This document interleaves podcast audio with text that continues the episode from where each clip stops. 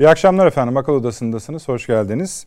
Sık sık Akıl Odası'nda aşağı yukarı her 2-3 programdan birinde size e, hatlar, belli ülkelerden oluşmuş zincirler, o baklaların oluşturduğu büyük zincirler, haritalar sunuyoruz. Bu akşam bir grup insandan oluşmuş bir hat harita sunmaya çalışacağız. Harita değil ama hat diyelim. Bu bence kırmızı bir hat ama şöyledir efendim. Biden, Austin, Blinken, Sullivan ve McGurk. Yani Amerika Birleşik Devletleri Başkanı, Amerika Birleşik Devletleri Savunma Bakanı, Amerika Birleşik Devletleri Dışişleri Bakanı, Amerika Birleşik Devletleri Başkanı'nın Ulusal Güvenlik Danışmanı ve Orta Doğu ve Kuzey Afrika'nın masasının başındaki McGurk. Bu beşli zincir ve her bir bakla iyi durmuyor efendim. Yani duruşları fena değil de bize göre iyi durmuyor.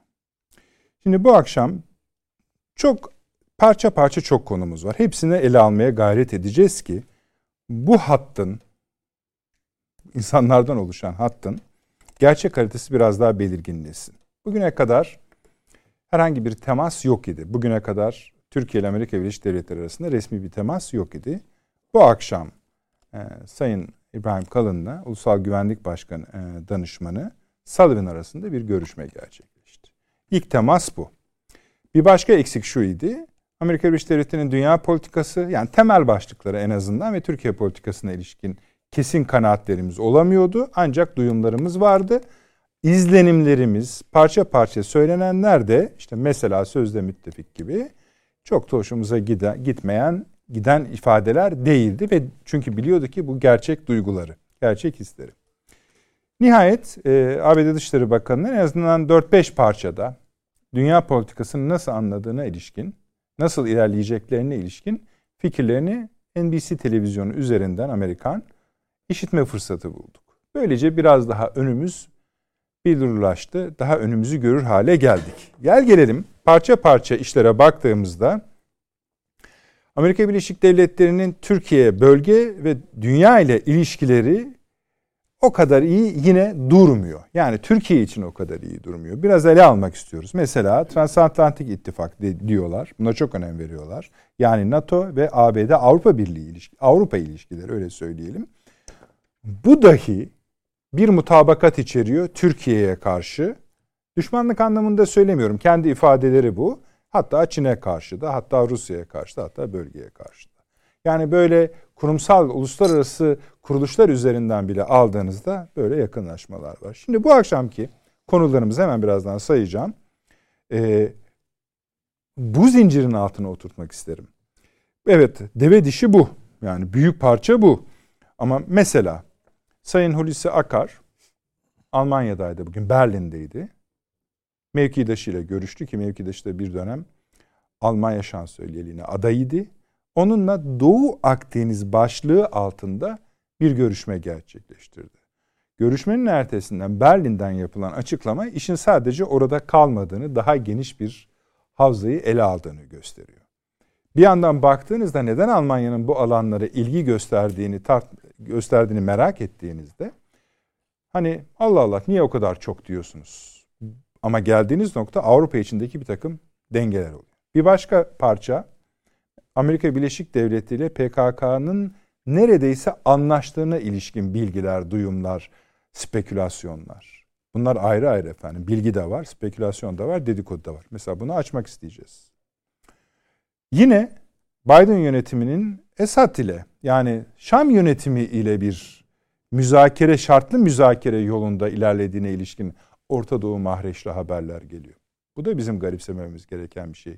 Sadece Kuzey Irak'ta ve Suriye'nin kuzeydoğusundaki Amerikan varlığı ve terör örgütünün varlığından gayrı olarak ele almamız gereken bir şey. Kavkaslar'da mesela yine şaşırmamız gereken bir nokta. Bunları da artık bıraktık. Aslında şaşırmamız gerekiyor. Düşünün. Kafkasların göbeğin, Kafkasya'nın göbeğinde, göbeğinin de merkezinde bir askeri üs ve bu askeri üsde üste Rus ve Türk askerleri birlikte görev yapmaya başladılar. Bu duyulmuş bir şey değil, görülmüş bir şey değil. Ama süreç bizi öyle getirdi ki onu normal bir sonuç olarak görüyoruz. İşte o şaşırılması gereken sonuç bir de Washington'dan nasıl görülüyor ona bakmaya da gayret edeceğiz. Bu vesileyle şunu da söyleyeyim Suriye bahsi açılmışken. Astana formatındaki Soçi toplantısı 16-17 Şubat'ta gerçekleşecek. Rusya, İran ve Türkiye. Bu önemli. Bu daha önce duyurulmuştu. Amerika'nın bu bölgeye bakışına ilişkin bir cevap olarak. Ama tabii Suriye ve Libya konuları da burada muhakkak konuşulacak. Çünkü biraz sonra konuklarımıza danışacağımız üzere orada da gelişmeler var. Ufak ufak mesela Türkiye Avrupa Birliği ile ilişkilerini 5 parametreye bağladı. Dışişleri Bakan Yardımcısı çıktı. Bu 5 parametre olacak. Başka türlüsü zor dedi. Onlara bakacağız. Efendim Dede Ağaç'ta Amerikan yığına devam ediyor. Bir tatbikat vesilesiyle getirilen 30 savaş helikopteri Black Hawk'lar oraya yerleştirdiler ve bunun da anlamını çözmek zorundayız. Biraz önce bahsettim. ABD Dışişleri Bakanı sözleri vardı. Bizim için dedi an, şu anda başlayacağımız domino taşları 3 ülke. Hindistan, Afganistan, İran. Bu önemli.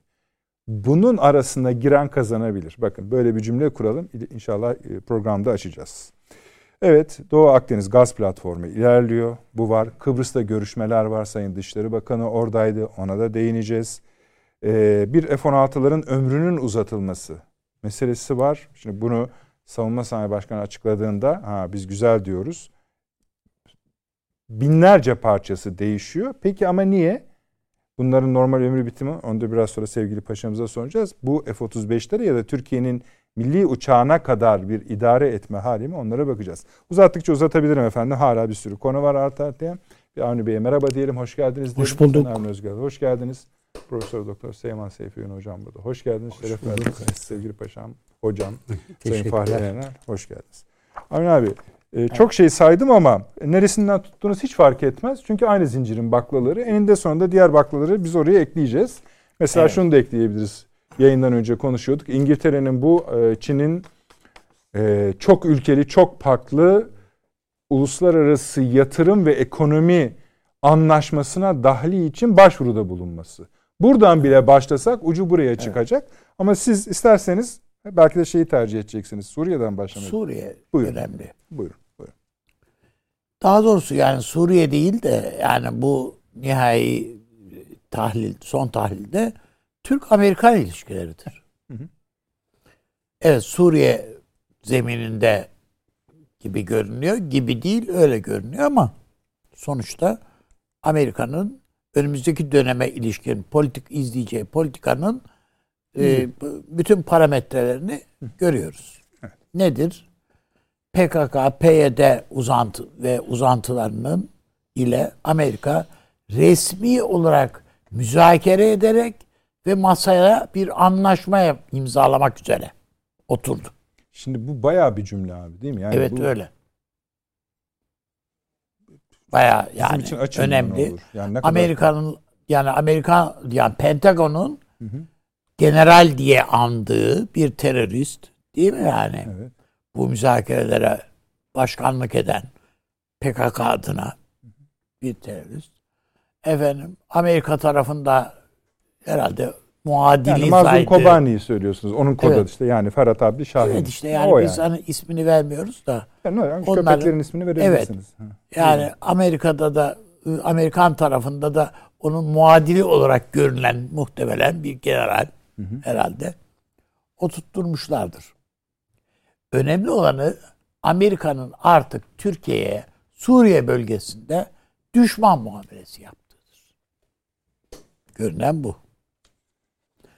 Bu bütününde de bugün mesela Sayın İbrahim Kalın'a Kalın'la yaptığı görüşmede efendim gayet böyle yumuşak ifadeler işte e, NATO ittifakı çerçevesinde e, diyerek yok efendim işte müttefiklik ilişkilerini derin, daha güvene ve e, dostluğa dayandırmak gibi öyle kelimelerle süslendirilmiş laflar da edilmiş.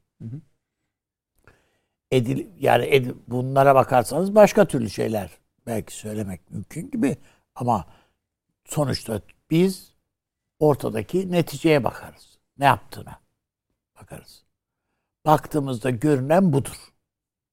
Türkiye aleyhine bir kumpasa Amerika evet demiş vaziyette ve bunu organize etmeye başlamış. Bu ilk temas değil mi Sayın Kalın? Kalın'la evet ilk temas. ilk temas. Yani şimdi bu ilk merhabalaşmalarda belki bu kadar sert ifadeler kullanılır mı sanmıyorum. Yoksa kullanılır mı? Hayır yani kullanıl yani ha, sizin ne, dediğiniz ne yapmak çerçeve. istediğinize bağlı. Ha, ne yapmak istediğinize bağlı. Yani e, en azından şu var. Yani Türkiye'ye karşı şimdiye kadar Amerikan başkanlarının göstermiş olduğu ve ekiplerinin yani göstermiş olduğu nezaketin bana göre e, ufak bir şeyi bile, işareti bile şu ana kadar gösterilmiş değil. Biden ekibinden. Ha bu seçilmeden önce de göstermiyordu. Türkiye'ye karşı gayet nezaketsiz, gayet saygısız, gayet küstah beyanlar vardı. Yani hem de basının önünde yani öyle gizli kapaklı değil yani basın önünde yapılmış beyanlar vardı. Seçildi. Seçildikten sonra, seçildikten sonra da aynı terane devam ediyor. Dışişleri Bakanı'nın ağzından devam etti. İşte o sözde müttefik falan gibi ifadeler. Şunlar bunlar yani. Bütün bunlar. O yüzden Türkiye'nin evet mutlaka tabii ortada bir süper güç var karşınızda. Bununla elbette müzakereniz olacaktır, temasınız olacaktır. Ee, bir masada oturup görüşeceksiniz, konuşacaksınız. Yani tutup yumruk atacak haliniz yok. Yani mutlaka en azından şu aşamada diyorsun. Evet yani mümkün değil. Öyledir. Ama mutlaka ve mutlaka karşınızdakinin nasıl bir düşünce yapısıyla, zihniyet yapısıyla e, e, önünüze geldiğini bilme, bilmek icap eder. Ama burada tabii akıllı da olmak icap eder. Yani hani e, keskin kürpe, sirke küpüne zarar verir. Yani e, böyle biz medya mensubu olarak sert ifadeler biz kullanabiliriz. Yani bizim için bir beis yok bunda. Ee, Amerikan basını da böyledir nitekim. Yani Türkiye ile ilgili olarak falan baktığınızda Sayın Cumhurbaşkanımızla ilgili neler neler yazdılar, ettiler. Ya bunların hepsini biliyoruz. Ama Amerika'daki farklı şurada. Amerikan başkanlığın ifadeleri. Anladım. Esas problem orada. Dışişleri Bakanlığı'nın ifadeleri. Şu anda. Ha, onun için ben üst üste e, önümüzdeki yani sadece sözde tablonu, müttefik değil ki. Bir ha. başkası da çıktı. Libya'dan çekileceksin kardeşim. Ben mesela hadi. gerçi paşama hocama da sormak paşam işin askeri boyutunu da bilir tabiatıyla. Ben mesela DAEŞ olarak bizim Irak ve Suriye boyutunda gördüğümüz şeyin aslında dost doğru Amerika olduğu kanaatindeyim şu anda. Yani bizim karşımıza DAEŞ diye gelilen, sürülen unsurların tamamen Amerikalılar olduğu. DAEŞ'ı da bunlar kiralamışlar. Karşımıza bunları getiriyorlar. Efendim yarın öbür gün başkasını kiralarlar. Onu da karşımıza getirebilirler. Geçmişte biliyorsunuz Taliban'ın da oturdular aynı numaraları yaptılar yani. Onun için kimin karşımıza nef sıfatla hangi üniformayla geldiğine geldiğine bakarak yanlış kana, kanaatlere kapılmamalıyız. Ne abi şu e, teröristle Amerikalıların görüşmelerindeki ifade esasında şu. ABD yönetimiyle YPG arasında yani SDG arasında Hı. ortak bir program hazırlanacak. İfade Tabii bu. öyle. Bu anlaşma demek zaten de. Tabii. Ama bir de sü- süresi yani belli bir aşamalar iç program dediğiniz işte o. Mesela yani bu, ne? Nihai şöyle, noktası o ne? programın bir parçası olarak zaten Amerika Esed'le görüşüyor. Ha, parçayı birleştirelim işte. O tamam. programın parçası, parçası olarak. Çok güzel. Evet. Yani diyor ki arkadaş biz bunlara bir özellik veya işte bir otonom neyse biz bir statü kazandıracağız. Biz buna kafaya koyduk. Eğer sen buna uyu, rıza gösterir ve uyum sağlarsan senin burada hayatiyetini sürdürmeni ne düşünebiliriz. Ya buna izin veririz demiyor. Düşünebiliriz diyor. düşünebilirim diyor. Ya 250 tır dolusu silahı yığmış adamın. Daha yeni son parça. Yani yeni ya. Tabii tabii. Bunlar yapılırken işte evet. yani. Bunlar yapılırken. Ve bunlar son derece ileri silahlar. Peki, bu şeyi eklediniz ya Esed'le e, evet. yani olur olmaz ayrı konu ama bu lafın zikredilmiş olması bile önemli. Kendileri söylüyorlar bunu zaten. Tabii tabii canım. Yani, Hiçbir hani o Arap kaynaklarından gelen bilgi değil bu. Amerikan kaynaklarından. Peki şeyi de ekleyeceğiz mi acaba bu parçaya? Hatırlıyorsunuz değil mi? Yaklaşık 2-3 program önce Rusların bir açıklaması olmuştu. Lavrov'un bir açıklaması olmuştu. Kardeşim onlar Amerikalılar... Amerikalılarla baş edecek değiliz yani diyor yani. Değil mi? Yani gönderecek onlar değiliz. Kardeşim şöyle biz e, bakın son dönemde e, birincisi e, Rusya ve Türkiye'nin müşterek sorumlu oldukları İdlib bölgesinde insanlar perişan vaziyetteler. hava şartları yani hava şartları şu bu iklim şartları bundan dolayı perişanlık e, hastalık diz boyu mikrop diz boyu çoluk çocuk sefil vaziyette. Kimsenin ilgilendiği yok. Türkiye dışında kimsenin e, baktığı yok insanlara. Bu insanların yarasını sarmak filan umurlarında değil. Yani ne Rusya'nın umurunda ne Amerika'nın ne zaten rejim güçlerinin asla yani. Siz üstlendiğiniz bakın hele diyorlar. E bizim Afrin'de olsun, e, Azez'de olsun. Ya patlayan bombalara bakın. Ölen insanlara bakın yani. Bunlar yine PKK'nın marifetleri. Bu bombaları kim veriyor? Bu insanlar neyin nasıl sızabiliyorlar orada?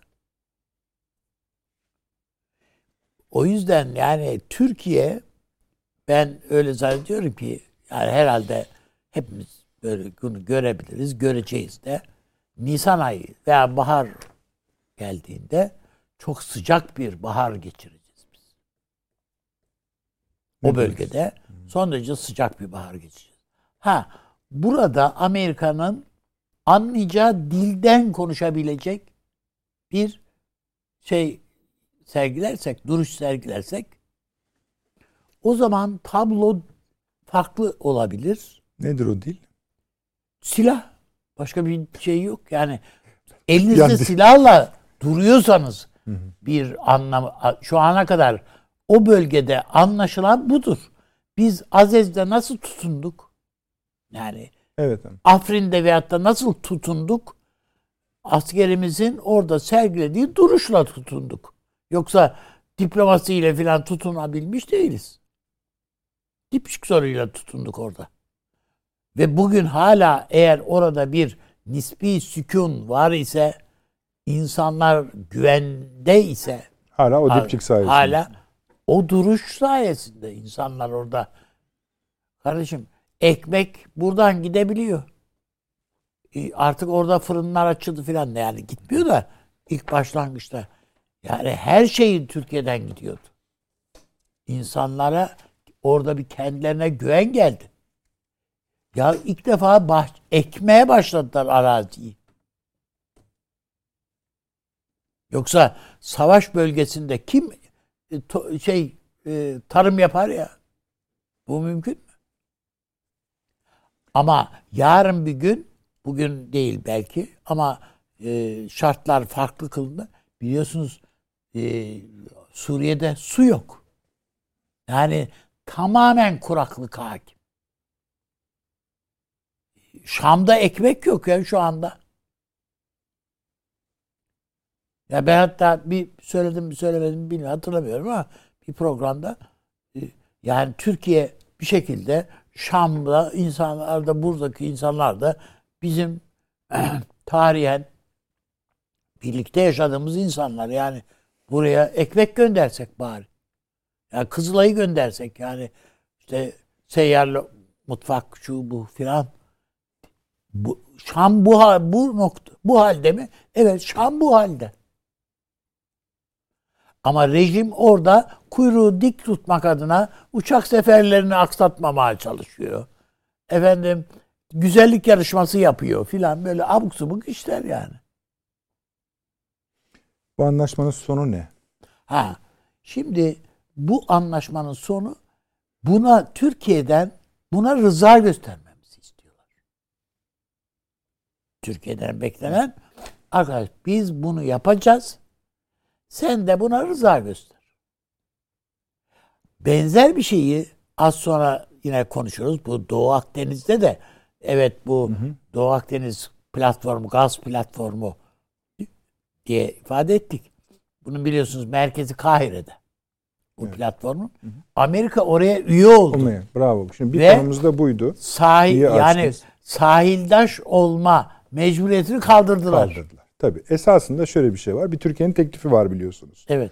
Burada bir konferans düzenleyelim diye. Ve bu konferansa da kimler katılacak diye sorulduğunda kıyıdaş ülkelerin tamamı evet. ama şart değil dedi. Evet.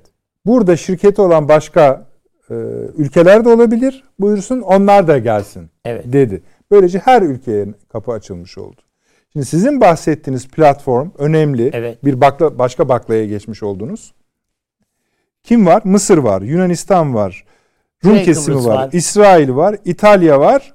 Şimdi Amerika Birleşik Devletleri de e, Mısır'ı söyledik mi? O da var. Evet var. E, sizin dediğinizi yaptı. Dedi ki ben de dedi buraya Geliyorum dedi. Geliyorum dedi. Şimdi onun gelişiyle birlikte bu platform artık başka bir... Ben Türkiye'yi dışlıyorum diyor. diyor. Ha, evet.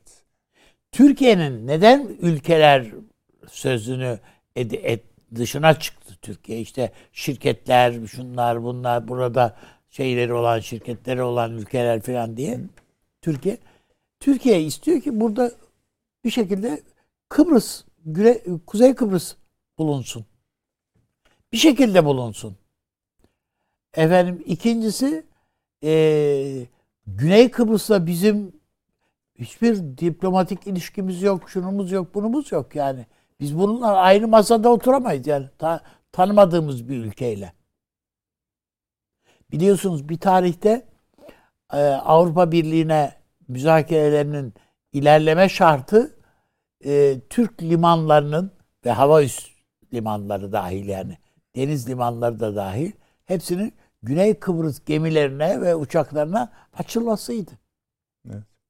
İlerleme şartıydı bu. Ve basmaya bunu Türkiye'de bile buna taraftar bulmayı başardılardı bir ara. Türkiye'de. Bunu siz de gaz, evet. gazeteci olarak hatırlıyorsunuz. Tabii tabii. E şimdi bütün bunlara baktığımızda öyle önümüzdeki sürecin basit veya sıradan e, ya nasıl halledilir filan gibi şey yapılabilecek bir süreç olmadığını düşünüyorum. Peki. Son olarak şunu da söyleyeyim. Son olarak ha, değil bütün, söyleyin de hani bütün bunlar yani bu bölümde bir şey olarak hı hı. şunu söyleyeyim. Evet bunları söylüyorlar, bunları istiyorlar, bunları bekliyorlar ve böyle bir kumpasla kurmuşlar. Ama öbür taraftan gördükleri bir Türkiye var. Bu gördükleri Türkiye askeri güç olarak dünün dün tanıdıkları Türkiye değil. Bu gördükleri Türkiye Kafkasya'da varlığını en son göstermiş. Kuzey Irak'ta varlığını göstermiş. Libya'da daha da, göstermiş. Daha da evet her yer Libya'da her yerde varlığını göstermiş bir Türkiye. Ve buralardan geri dönmeyeceğini söyleyen bir Türkiye. Peki. Devam edeceğiz abi. Süleyman Hocam daha başlangıçta bir anda yelpaze gibi açılıyor tabii. Yani olaylarla açılıyor. Yani konuları birbirine bağlayarak bile yapmıyoruz. Somut olaylarla. İşte yani mesela bu Amerika Birleşik Devletleri'nin doğal gaz platformu gibi söyleyebileceğimiz bir platforma başvurarak bir anda oradaki yapıyı Doğu Akdeniz gaz platformuydu bunun ismi. Mısır, Yunanistan tekrar sayıyorum ki te, ekipler belli olsun. Rum, kesimi, İsrail, İtalya, Sair. Dedi ki ben de artık buraya başvuruyorum ve o bir anda o platformun niteliği de niceliği de değişmiş oldu. Fakat asıl diğer teklifin yani Türkiye'nin bakın bu işler böyle olmaz. Bu ilk kurulurken de ben hatırlıyorum şimdi aklıma geldi. Cumhurbaşkanı çıkıp demişti ki şimdi bak bunu bunun amacı belli. Bunu Türkiye'yi dışlamak için yapıyorsunuz. Ha, niyetiniz bu olmasa idi zaten bizi de çağırırdınız. Değil mi? bu kadar açık görüyordu. Şimdi Amerika eklenmiş oldu. Bizi çağıran bir ülke var. İsrail. İsrail. Peki. Tamir etmiştim. Olmayacağını bile bile bir, ama çağıran. Baklanın biri bu. Suriye'yi konuşuyoruz. Şam'ı konuştuk. YPG PKK anlaşmasını konuştuk. Daha oradayız ama harita gittikçe büyüyor. Buyurunuz. Oradan alarak da dediğim gibi baklaları serbest. Yani bu Amerikan seçimlerinin hemen arefesinde e, ve hemen sonrasında yaptığımız değerlendirmelerde e, geliştirdiğimiz genellemelere hı hı, uygun bir sağlama hı hı. bu. Ne dedik? Boşluk bırakmayacaklar. Çünkü Trump boşluk bıraktı. Bunları şimdi yegan yegan dolduracaklar. E, ve bunu yapıyorlar. Dolayısıyla şaşırmıyoruz. Yani ama şunun da şunu da söyleme lüksünün çok uzağındayız. İşte gördünüz mü? Bak söyledik çıkıyor bunlar. Tabii, tamam da rahatlatacak değil. Rahatlatacak şeyler değil bunlar. Tabii, o Tam tersine rahatsızlıklarımızı çünkü o programın, o doldurma programının ayrıntılarını bilemeyiz. Çok genel delikleri, boşlukları filan görürüz. Onları söyleyebiliriz. Ama bakın ak- aklımızda mıydı bu Doğu Akdeniz meselesi? Öngörebilir miydik bunu? Yani şimdi demek ki böyle en küçük boşluklardan daha irice boşluklara doğru Amerika bu Yürüyor. alanları dolduracak. Şimdi Türkiye ne yapacak meselesi daha önemli. Her şeyden önemli. Bir kere bu algı e, karar alıcılarımızda ne ölçüde? Yani eğer karar alıcılarımız ya işte sonuçta Amerika müttefikimizdir. Biz işte 250 senedir batılılaşma mücadelesi veriyoruz. Şöyle veya böyle. Ya bir yerde anlaşırız gibi bir ihtimali zihinlerinin çok değil, çok küçük bir e, alanında muhafaza ediyorlarsa iyi değil mi diyecek? Bu hiç iyi bir şey değil. değil. Ama bunu görüyorlarsa yani o işte İbrahim Kalın'la Amerikalı diplomat. Ya bunlar bunlar şey değil. Yani demek istediğim orada kullanılan dil falan. Hı. İbrahim Kalın tabi Amerika'yı benden daha iyi bilir. Yani orada doktorasını yapmış. Tabii canım. Ee, bugüne kadar Sayısız diplomasi pratikleri var. içerisinde pişmiş bir insan. Buna ihtimal vermek istemiyorum ben. Ama aklıma hazin bir şekilde yani ne kadar kovmak istesem de bir sendromu getiriyor. Bu bir kurbağa sendromu biliyorsunuz. Hani suyu evet. kaynatıp içine kurbağayı atarsanız kurbağanın evet. bir şansı olur. Zıplar kaçar. Hı hı. Direkt şeyle karşılaşıyor çünkü sıcakla. Ama mesela ılık bir suya koyup derece derece derece derece çok geç olur. Çok geç olur. Yani kötü bir benzetme ama e, herhalde biraz anlatır yani fonksiyonunu durum. görüyor. Türkiye bence makul e, ölçüleri zorlamadan arka planını doldurarak ama durmamak durumunda. Yani şeyler yapmak durumunda. Tamamen katılıyorum üstadımın söylediklerine. Daha proaktif olmak durumundayız. Çünkü eğer bu durumda beklersek işte ısınma işleri başlıyor demektir. Sonra işin içinden çıkamayabiliriz. Çok daha karmaşık bir tabloyla karşılaşabiliriz. Tabii ben akıl verecek değilim. O mercide de değilim. İşim de bu değil zaten. Siyasetin mühendislik tarafı ayrı bir alandır. alandır. Biz belki tespitler yapıyoruz. Ee, su fokurdamaya başlamadan bir şeyler yapmamız lazım. Çünkü o harareti düşürecek olan şeydi o. Suyu soğutacak şey de bizim yapacaklarımızdır. Türkiye'nin yapacaklarıdır. Bu konuda da geç kalınmaması gerektiğini düşünüyorum ben. Ee, böyle bir e, işlemin de, böyle bir operasyonun da e, hazırlıklarının yapıldığına dair bazı izlenimler. Çok fazla emare var öyle söyleyeyim. Evet, emare, Çok fazla emare. emare var. Aslında emareyi geçtik. Bir başka ABD yönetiminde ilk bir hafta içinde birden çok üst yöneticiden Türkiye'ye yönelik bu tür tarifler biz hiç duymamıştık.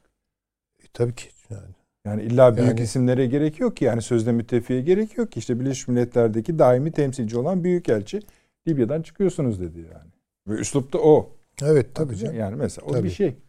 Şimdi tabii yol arkadaşlarımıza bakalım. Yani onları da çok iyi hesap etmiyoruz. Sadece Amerika veya Avrupa Birliği meselesi değil.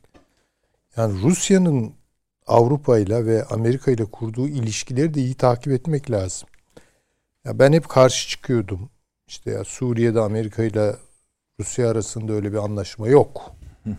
Çünkü daha evvel gündeme getiriliyordu. Ama artık zımni örtük veya belki de daha açık, dolaylı veya doğrudan bilemiyorum. Bir yakınlaşma oldu. yapmadan şöyle bir şey söyleyebilir miyim? Rusya ile Amerika Birleşik Devletleri arasındaki genel tabloya bakarak özel tabloları anlayamayız. Tamam, özel bu, tablolara bakarak güzel. da genel tabloyu tabii, anlayamayız. Çok güzel söylediniz. Ama birbirlerini izah etmekte bir şeyleri olabilir. Yani, tabii yani ki. büyük Ama... tabloda o kadar sert vurur ki mesela Amerika Rusya'ya atıyorum. Küçük tablodaki bir parçada ikna olabilir. İkna olabilir Şimdi, ve de anlaşabilirler. Buyurun. Yani bu bu potansiyel Suriye'de var. İşte onu diyorum. Suriye'de var.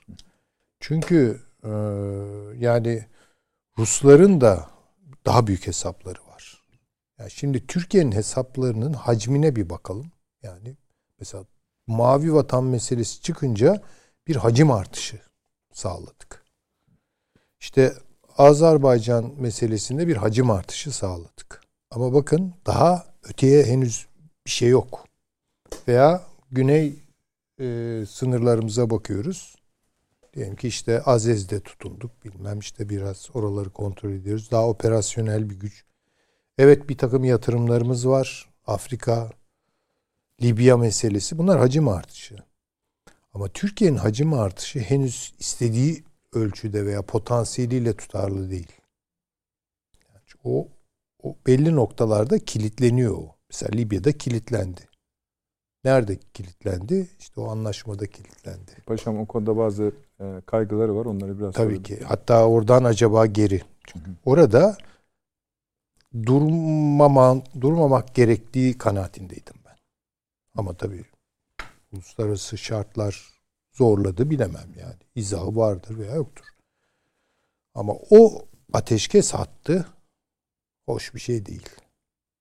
Bakın ben bunu Azerbaycan için de söyleyeceğim. Karabağ meselesinde gidebilir miydik bir adım daha öteye? Yani bir hafta daha geçseydi çünkü muhtemelen Karabağ kontrolü Azerbaycan'a geçecekti. Külliyen. Ama buna fırsat verir miydi Ruslar? Yerde durduk. Anlatabiliyor muyum? Yani hacminizi ne kadar arttırabiliyorsanız pazarlık gücünüz de o kadar artıyor. Kıbrıs'ta Ama, başımıza geldi hocam. Evet yani yani belli yerlerdeki belirsizliklere takıldığı zaman sizin hacim artışınız çünkü başka türlü ifade edince yayılmacılık falan diye anlaşılıyor. Öyle bir şey yok tabii ki. Bu bir hacim artışı. Hinterland oluşturuyorsunuz. Şimdi bu ifadeleriniz de geri çekilme olarak da anlaşılabilir. E, yani bundan sonra çünkü çok eğreti yerler buralar. Yani şimdi Karabağ evet ama şimdi bakıyorsunuz bardağın yarısı dolu. Hatta belki dörtte üçü dolu. Yani dörtte biri de acık boş kalıversin diyebilirsiniz. Ama suyun buharlaşma meselesi o elinizdeki hacmi de yani onu bir kere kapatmak lazım yani tamamlayıp kapatmak Nasıl? lazım. İdi yani şu an tabii ki böyle bir şey söz konusu değil. Ama işte Karabağ'da durduk ve şu an Karabağ'ın kontrolü kimdedir? Bakın net Rusya'dadır. Binlerce askeriyle oradadır. Hiçbir zaman Karabağ'da Rus varlığı bu kadar yoktu.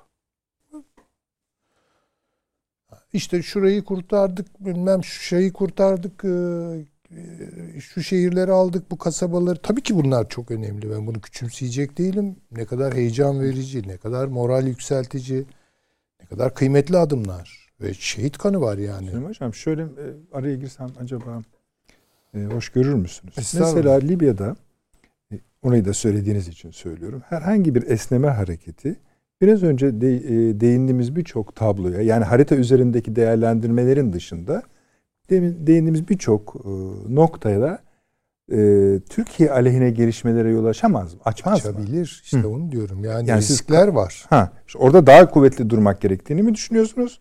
Yoksa yani biraz daha esnemek... sağlam bir yerde durdurmak gerekiyordu. Şimdi eğritik hmm. geliyor bana yani. Şimdi Sirte Cufra hattı sevmedim diyorsun. Yani, yani durulacak yer miydi orası onu bilmiyorum.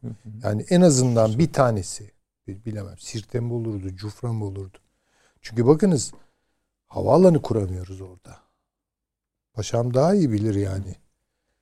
Yani bir deniz üssü tamam ama yani bakın akıbeti Mistrata'da tamam mı yani şimdi halloldu mu ben bilmiyorum ben. Yani bir ara haberleri vardı sonra durdu. Bir de genel tablo var. Mesela Cenevre'de yürüyen bir süreç var. Bilmem ne var. Onlar tabii, ne tam tabii, bilmiyoruz. Tabii. Paşamdan rica edeceğiz. Beklettik biraz ama uzun konuşacağı için. İşte tam bütün bu tablo henüz daha oturmamışken birden Amerika giriyor. Doğru. Bu doğru. Şimdi yani burada bir durmak lazım. Ha, orada ne yapılması gerekiyor? Orada belki daha evvel durduğumuz gibi durmamamız gerekiyor. Yani bir şeyler yapmak lazım. Çünkü sağlam bir yerde durmak durumundayız. Yani her hacim artışının durduğu duracağı bir yer vardır tabii ki. Ve bütün bunlar böyle emperyal güdülerle filan değil. Misak-ı millinin korunması içindir. Yani şu şu üzerinde yaşadığımız 700 küsür e, bin kilometre karelik toprağı önce bir kere emniyet altına almanın yolu mümkün olduğu kadar bu hacim artışını sağlamaktır. Mesela işlerin iyi gittiği yerler var. Karadeniz gayet iyi gidiyor. Ama Karadeniz, Karadeniz de karışacak gibi. Ama ha, Amerikan gemileri oraya da evet. girmeye bakın şimdi Orada bütün şimdi, bunlar hı eşanlı oluyor yani. Eşanlı evet. Birden platformda Amerika'yı görüyoruz. Amerika nire, Doğu Akdeniz nire. Hı hı. Karadeniz'de bakıyorsunuz evet. Dede Ağacı ve Amerikan gemileri giriyor Karadeniz'e. Dün, ne dünü bugün e, Amerikan savaş gemisiyle bir Rus savaş uçağının bir yakınlaşma fotoğrafı e, yayınlandı. Olur, tabii. Yani acaba üzerine mi oturmuş diyeceğimiz kadar yakın bir mesafe ve tehlikeli. İki, yine e, Amerikan Deniz Kuvvetleri'nin de paylaştığı bir görüntü. Üzerine de şöyle yazmışlar. Amerikan savaş gemisi boğazlardan geçiyor bizim boğazımızda. Tabii tabii. Ve biz köpründe de kırmızı lambalar yanıyor. Kırmızı lambalar bizi durdurmaz diyor. Böyle paylaşıyor. Tabii, Amerika. Tabii. Bugünün işi bunlar. Tabii. Tabii. Meydan okuyucu bir şey. Tabii. Yani ne konuşuyorsun? O yani. o e, yumuşak görünümlü e, Biden iktidarı döneminde oluyor bunlar. Evet. Yani değil mi böyle? Evet, evet, evet. Ya maşallah. Yani Hocam sizi teyit edecek bir başka şey yani konuşurken şey yaptım onu unuttum. Buyurun. Avrupa Birliği ile görüşmek için gelen Dışişleri Bakanlığı yetkilisi Amerika'nın bir, bir şeyleri görüştü. Bu Türkiye ile müzakerelerde bu kadar yakınlaşma ne oluyor dedi. Bunu ayrıca görüşmemiz, müzakere etmemiz tabii, lazım tabii. dedi. Çok doğru. Yani emare dediğimiz bunlar ama bunlar aslında emare kadar da emareye de karine değil yani delil artık yani. yani. Evet. Yani, neyse. yani şunu yapacaklar bakınız. Ee, tabii bu Amerika'nın da kendi ekonomisi şu ara maşallah Allah Ali Bey vaziyette de genel olarak dünyada böyle pek çok ekonomi bu durumda. Fakat daha kırılgan, daha az kırılgan ve daha çok kırılgan ekonomiler var bugün. Ee, mesela Alman ekonomisi de bir sarsıntı geçiriyor ama kırılganlığı az. Bunu biliyoruz. Altından kalkarlar yani. Fakat Türkiye kalkabilecek mi? Hı hı. Ve Türkiye ekonomik olarak bakın sıkıştıracaklar. Tabii, Özellikle yaza doğru. Yani bu Mart'tan sonra bekliyorum ben. Daha ağırlıklı şeyleri. Ee, dolayısıyla bunlara karşı da hazırlık yani. içeride de bir hazırlık yapmamız lazım. Peki. Kışkırtıcılık evet. meseleleri var. Yani oraya tabii iç siyasete biz çok fazla Üniversite girmiyoruz. Yani oralarda başka şeyler de bulabilirler filan. Yani o işi oradan da kotarmaya çalışacaklar. Yani hakikaten Onlar, bir takım işi biliyorsunuz. Onlar öyle çalışırlar takım ya, olarak. Tabii takım olarak. Ben muhtemelen e, terleyeceğiz. Terleyeceğiz. E, iyidir tercih bir şey değil o. E, ya inşallah yani zatürreye çevirmez tabii. Yani bir de öyle şeyler var yani. Terlemek güzeldir de e, Fin hamamının, Türk hamamının da riskleri vardır yani. Çetin Altan evet. ne diyordu biliyorsunuz değil mi? Bilmiyorum. Enseyi karartmayacaksınız. Yani tabii ki muhakkak Peki. ama Paşam buyurunuz. Valla çok yani inşallah zaten o önünüzdeki notları söylerseniz tamamdır. Bizim program çıktı bence. yani buyurunuz. Ee, şimdi burada e, bu kitapta da bulmuştum, çizmiştim de e, İngiliz jeopolitikçi Mackinder diyor ki e, devletler arasında eşitsiz büyümenin takriben her 100 yılda bir hegemonik dünya savaşını doğurmaya meyletmiştir diyor. Yani bunu zamanları veriyor işte Portekiz'den günümüzde Amerika'ya kadar. Amerika için de 1973'ten itibaren yavaş yavaş bu süreç başlamıştır. Ya yani diğer bir jeopolitikçi diyor ki bunun hakimiyetin maliyeti. Yani dünyaya hegemon olmanın e, bir maliyeti var. Amerika Birleşik Devletleri artık bu maliyeti karşılayamaz duruma gelmiştir. Bu yüzden esasında hocamın söylediği gibi e, Orta Doğu'da su fokurdamaya başlamıştır. E, şu anda içine çeşitli esasında çeşniler yemek parçaları atılıyor. Yani Afrin'deki olayı ve bombalamaları bu gözle görmek lazım. Bunun dışında şu anda basına pek yansımayan ama rejimle PKK arasında, YPG arasındaki çatışmaları bu gözle görmek lazım. DAEŞ'in tabi DAEŞ'in Irak'ta e, iki tane tarih bu kadar da denk gelir mi derseniz 1 Ocak 2020, 2 Ocak 2021 Irak'ta aynı pazar yerinde ve aynı tür iki saldırıyla birinde 35 birinde 32 kişinin ölmesi ki ikincisi e, Biden göreve geldikten bir gün sonra oluyor. E, diğer önemli bir konu DAEŞ'la mücadelede Musul'u DAEŞ'e terk eden, PKK'yı en iyi şekilde yapılandırmak ve Amerika Birleşik Devletleri'nin vekil gücü için kurmak için çaba sarf eden CENTCOM komutanı Austin'in savunma bakanı olması, hı hı. McGurk'ün aynı bölgede onunla birlikte çalışan kişi olarak bu bölgeye koordinatör olarak atanması e, ve e, bu yapının e, yavaş yavaş artık Amerika Birleşik Devletleri açısından bütün bunlara baktığımızda Suriye ve Irak için Büyük Orta Doğu Projesi'nin faaliyete geçtiğini ve bunun hızlandığını ben bu bölge için görüyorum. Ve hızlı hareket ediyorlar. Yani evet. genel şeyleri bu. Evet, çok evet. hızlı hareket edilmeye başlandı. Yani geçen programlarda söyledik. Hümeymi'm hava üstünde Rusya'nın İsrail ve Suriye rejim unsurlarını bir araya getirip burada ana odağın bir İran güçlerinin bu bölgeden uzaklaştırılması, iki milli güç unsurlarını tamamen kaybetmiş olan Suriye'nin talebi bize mali yardımda bulunun. Amerika ile Esad'ın esasında bir araya gelip bu konuda görüşmeye başlamaların altında yatan neden de ekonomik kaygılar. Ekonomik kaygılar artık o düzeye geldi ki rejim evet orada güzellik yarışmaları şunlar bunlar toplumu bir arada tutmak için yapılıyor ama bakın Suriye'nin 23 milyon nüfusu 13 milyona indi. Yeni doğurganlık oranı sıfıra yakın. Eğitim sıfır. Nicelikli hiçbir insan yok bu devletin milli güç unsurlarını bir araya tutması ve toparlanması asla mümkün değil. Yani, Şimdi başlasanız 20 yılı var. Evet yani böyle bir devlet bitmiştir artık. Yani bu başarısız değil. Böyle bir ulus devlet birliğini bazı rejim zamanında Arap milliyetçiliği veya vatan e, işte millet gibi duygularla bir araya toplamışlardı. Ama artık o duyguyu sağlayacak bir yapı da yok. Dolayısıyla Suriye adım adım 3'e belki de 4'e doğru gidiyor. Burada temel hedef bence birinci öncelikle İran ve Türkiye'yi kesinlikle Suriye'den çıkartmak. Birinci hedef. E, ikinci hedef e, burada bir e, Amerikalıların meşhur 1964'te Vietnam'da Kuzey Vietnam'a karşı düzenledikleri false flag yani sahte bayrak operasyonu. Hı hı. Bu sahte bayrak operasyonu e, üzerine biliyorsunuz Kuzey Vietnamlıların Amerikan unsurlarına karşı harekat yaptıkları, e, eylem yaptıkları, örtülü operasyonda bulundukları ki bunu McNamara daha sonra yazdığı kitabında da bunun hatalı olduğunu, aynı şey esasında sahte bayrak operasyonu Irak'ta, Irak'ta da yaptılar.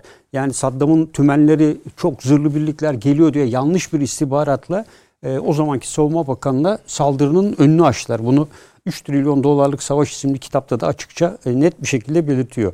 E, bunu sahte bayrak operasyonu yapılacağı yer bence Irak olacaktır. Suriye'de böyle bir operasyonda Rusya olduğu için Rusya ile anlaşarak gideceklerdir ve İran'ı adım adım bu bölgeden uzaklaştıracaklardır. Yani kesin hedef bu. Aynı zamanda Afrin ve benzeri saldırılara baktığımızda da Türkiye'nin de uzaklaştırılması için çaba sarf ediliyor. Yani Rusya ile burada sanki Amerika Türkiye'yi İran konusunda tam mutabakatlar e, Türkiye'de bir şekilde bu bölgeden uzaklaştırma çabası içine girdiklerini ben e, düşünüyorum. Siz devam edin. 16-17 Şubat'taki Astana formatlı Soçi zirvesi bu ikisinden bir şey çıkacağını ümit ediyoruz mu? Hayır. Yani ben e, İdlib e, artık bir, bir donmuş çatışma bölgesi haline geldi. Yani e, burada e, işte İsrail, e, Ruslar e, ciddi bir eğitim veriyorlar Rus rejim unsurlarına. E, ve özellikle yerden havaya Mempet türü e, Türk İHA'larına veya Türk Hava Kuvvetleri kullanılması halinde onlara karşı yerden havaya füze sistemleri tedarik ediyorlar ve eğitim veriyorlar. E, ancak Rusya'nın e, ben e, rejimden yana artık e, elde edeceğini ettiği için e, pek onunla bir bağlantısını kalmadığını ve Suriye coğrafyasında buradaki varoluşunu bir şekilde kullanarak olabildiği kadarıyla daha çok yer almanın, daha çok burada menfaat koparabilmenin peşinde olduğunu ve Amerika ile olan müzakerelerinde PKK ile olan ilişkisini de kesmemekten de yararlanarak olabildiği kadarıyla sahaya e, girmeye çalıştığını düşünüyorum. Belki buradaki konuyu Libya ile pazarlık konusu yapabilir Amerika Birleşik Devletleri ile. Yani Libya'da Rusya. evet Wagner unsurlarının çekilmemesini özellikle Irak e, Fırat e, Dicle Nehri'nin şey Fırat Nehri'nin Makul doğusunda evet doğusunda varoluş mücadelesiyle baktığımızda Libya ile e, sanki e, orada öyle bir e, dönüşüm içine girebilir. Çünkü çok az unsuru var. Libya'da etkili olması mümkün değil ama çekilmiyor. En son e, bu Libya Ulusal e, Diyalog e, Cenevre'de yapılan görüşmede de öyle. E, burada Türkiye'den bahsedilmiyor ama Rusların Wagner unsurlarının sahada hala yer aldıkları. Çünkü dört maddelik ateşkesin yabancı unsurların çekilmesi diyordu. Burada özellikle Birleşmiş Milletler Sözcüsü Türkiye atıfta bulunmamış gene. Rusya unsurlarını çekmedi demişti gene en son Birleşmiş Milletler'e bildirilen raporda. Yani böyle bir şey olabilir. Burada İran milis güçleri şu anda İdlib bölgesinde de var. Ama yavaş yavaş ilginçtir Derizor Rakka tarafına doğru çekilmeye başladıkları görülüyor. E, bu bölgede İsrail için e, tehdit. E, bu yüzden İsrail ve Amerika'nın hep buraya sürekli artan hava harekatı söz konusu. Ve buradan İran'ı kesinlikle bu bölgeden göndermek istiyorlar. Irak tarafına baktığımızda da yine Ocak ayının sonlarına doğru DAEŞ'in Haçlı Şabi'nin Selahattin kentinde bulunan karargahına ciddi bir saldırı yaptılar ve bu saldırı sonucu 10 e, Haçlı Şabi unsuru e, hayatını kaybetti. Yani bunları öldürdüler ve karargaha da çok ciddi hasar verdiler. Yani bir yandan diğer e, Bağdat pazarındaki e, o bombalama, meydana yönelik bombalama arkasından e, bu yapılan eylemler e, esasında DAEŞ'in ayrı bir unsur değil, e, Amerika Birleşik Devletleri'nin sağdaki vekili olduğunu gösteriyor. Nitekim bundan sonra İran Dışişleri Bakanı'nın şöyle bir açıklaması oldu. Biz ara verdiğimiz Amerika ile stratejik diyalog müzakerelerini yeniden başlatma ve Amerika Birleşik Devletleri'nin Irak'ta kalması için kendileriyle temasta bulunmaya karar verdik dediler. Yani Amerika Birleşik Devletleri ben buradan çekiliyorum restini burada bence e, sahte e, bayrak operasyonunu DAEŞ'te kullanarak e, buradaki terör eylemi ve saldırıları arttırarak e, Sincar'daki olayda da benzerini bence e, PKK'yı oradan çekmeyerek kullanarak e, Irak'ta kalmayı garantiledi. Bunun arkasından Irak'ta da aynı şekilde öncelikle e, Haçlı Şabi yani İran'ın seçimler öncesi etkisini sıfırlama e, hevesinde ve isteğinde olduğunu ben e, düşünüyorum. Valla ee, aynı resmin farklı renklerini boyuyorsunuz. Ee, ve tabii bu daha bir bakla. Devam edin. Ee, evet. E, ben de nerede kaldığımı unuttum. Aslında hiçbir yok, yerde yok. kalmıyoruz. Şimdi, orada kalırız e, inşallah. Burada e, temel hedef bence İran'ı kendi sınırları içine çekmek. Yani İran'la e, Biden'ın yapmak istediği nükleer anlaşmaya dönüşte önemli bir şey daha oldu. E, burada Biden e, Robert Malley İran ile özel temsil olarak atadı ki bu kişinin önemi nedir? Biden Obama'nın yardımcısı olduğu dönemde bu nükleer anlaşmanın içindeydiler. Bu kişi de bu nükleer anlaşmada çok önemli rol kat eden birisiydi. E, o dönemde olmuştu. Evet o dönemde oydu. İkincisi önemli bir konu daha var. E, burada e, Biden evet bu anlaşmayı yenilemek istiyoruz ama e, iki şey değişecek diyor. Bir, e, buna e, ekleyeceklerimiz İran'ın balistik füze programı. İki, İran'ın bölgesel faaliyetlerine durdurulması. Fransa da buna diyor ki özneler de değişmeli Biden'a diyor. E, örneğin Suudi Arabistan'da devreye girmeli diyor. Evet, yani İran'a dengeleyebilmek. Evet. İran bunu reddediyor. E diğer konularda buna sanki nispet yani olarak... Fransa'nın söylediği de ilginç. Diyor ki sen bu nükleer anlaşma meselesini pazarlığını yapıyoruz masada yapacağız da o masaya ara, e, Riyad'da otursun diyor. Evet. İran'a evet. söylüyor. Yani İran'a e, söylüyor. Tabii bütün bunlar normalde e, küfür gibi gelir tabii. yani. Burada e, bu, da bir yanlış bayrak var. Ve galiba, evet, tabii işte. E, bundan e, iki gün evvel e, İran e, bir 250 kilogramlık uydu taşıyan e, bir füzeyi ateşledi. Yani uydu yerleştirmek evet. maksatlı. Yani bu yapılanlara iki tane, iki üç tane de e, füze testi yaptı. Yani Amerikalı bu, kimi e, yorumcular, e, bu konulara meraklı yorumcular bunu artık hani anlaşmanın flört aşaması olarak görüyorlar. Yok. Biraz e, daha ciddi bir durum var. Evet, bir, başka bir boyutu var da e, onu yine görüş e, tele, program öncesi de konuşmuştuk. Taliban'la e, Afganistan hükümeti arasında Doha'da devam eden gelişmeler birdenbire Taliban tarafından yarıdan kesildi, yarıda kesildi ve ikiye ayrılarak yani 2020'de grup, evet, Doha'da Katar'ın başkentinde yapılan baştan, e, anlaşmayla anlaşma vardı Afganistan Amerika Birleşik Devletleri o masadan kalktı. Şimdi devam ediyordu. Mesela en son yine vardı. Bir hafta evveldi. O masadan birdenbire Taliban... Amerika'nın da oradan askerlerin çekmeyeceğine ilişkin bir intiba daha kuvvetlendi. Kuvvetlendi. Evet. Ve bunun üzerine bir grup İran'a gitti, bir grup Rusya'ya gitti. Bu Amerika Birleşik Devletleri'nin e, Taliban'ı terör örgütü listesinden çıkarıp tekrar almaya doğru e, bir e, heves ve istikamette olduğunu değerlendiriyorlar.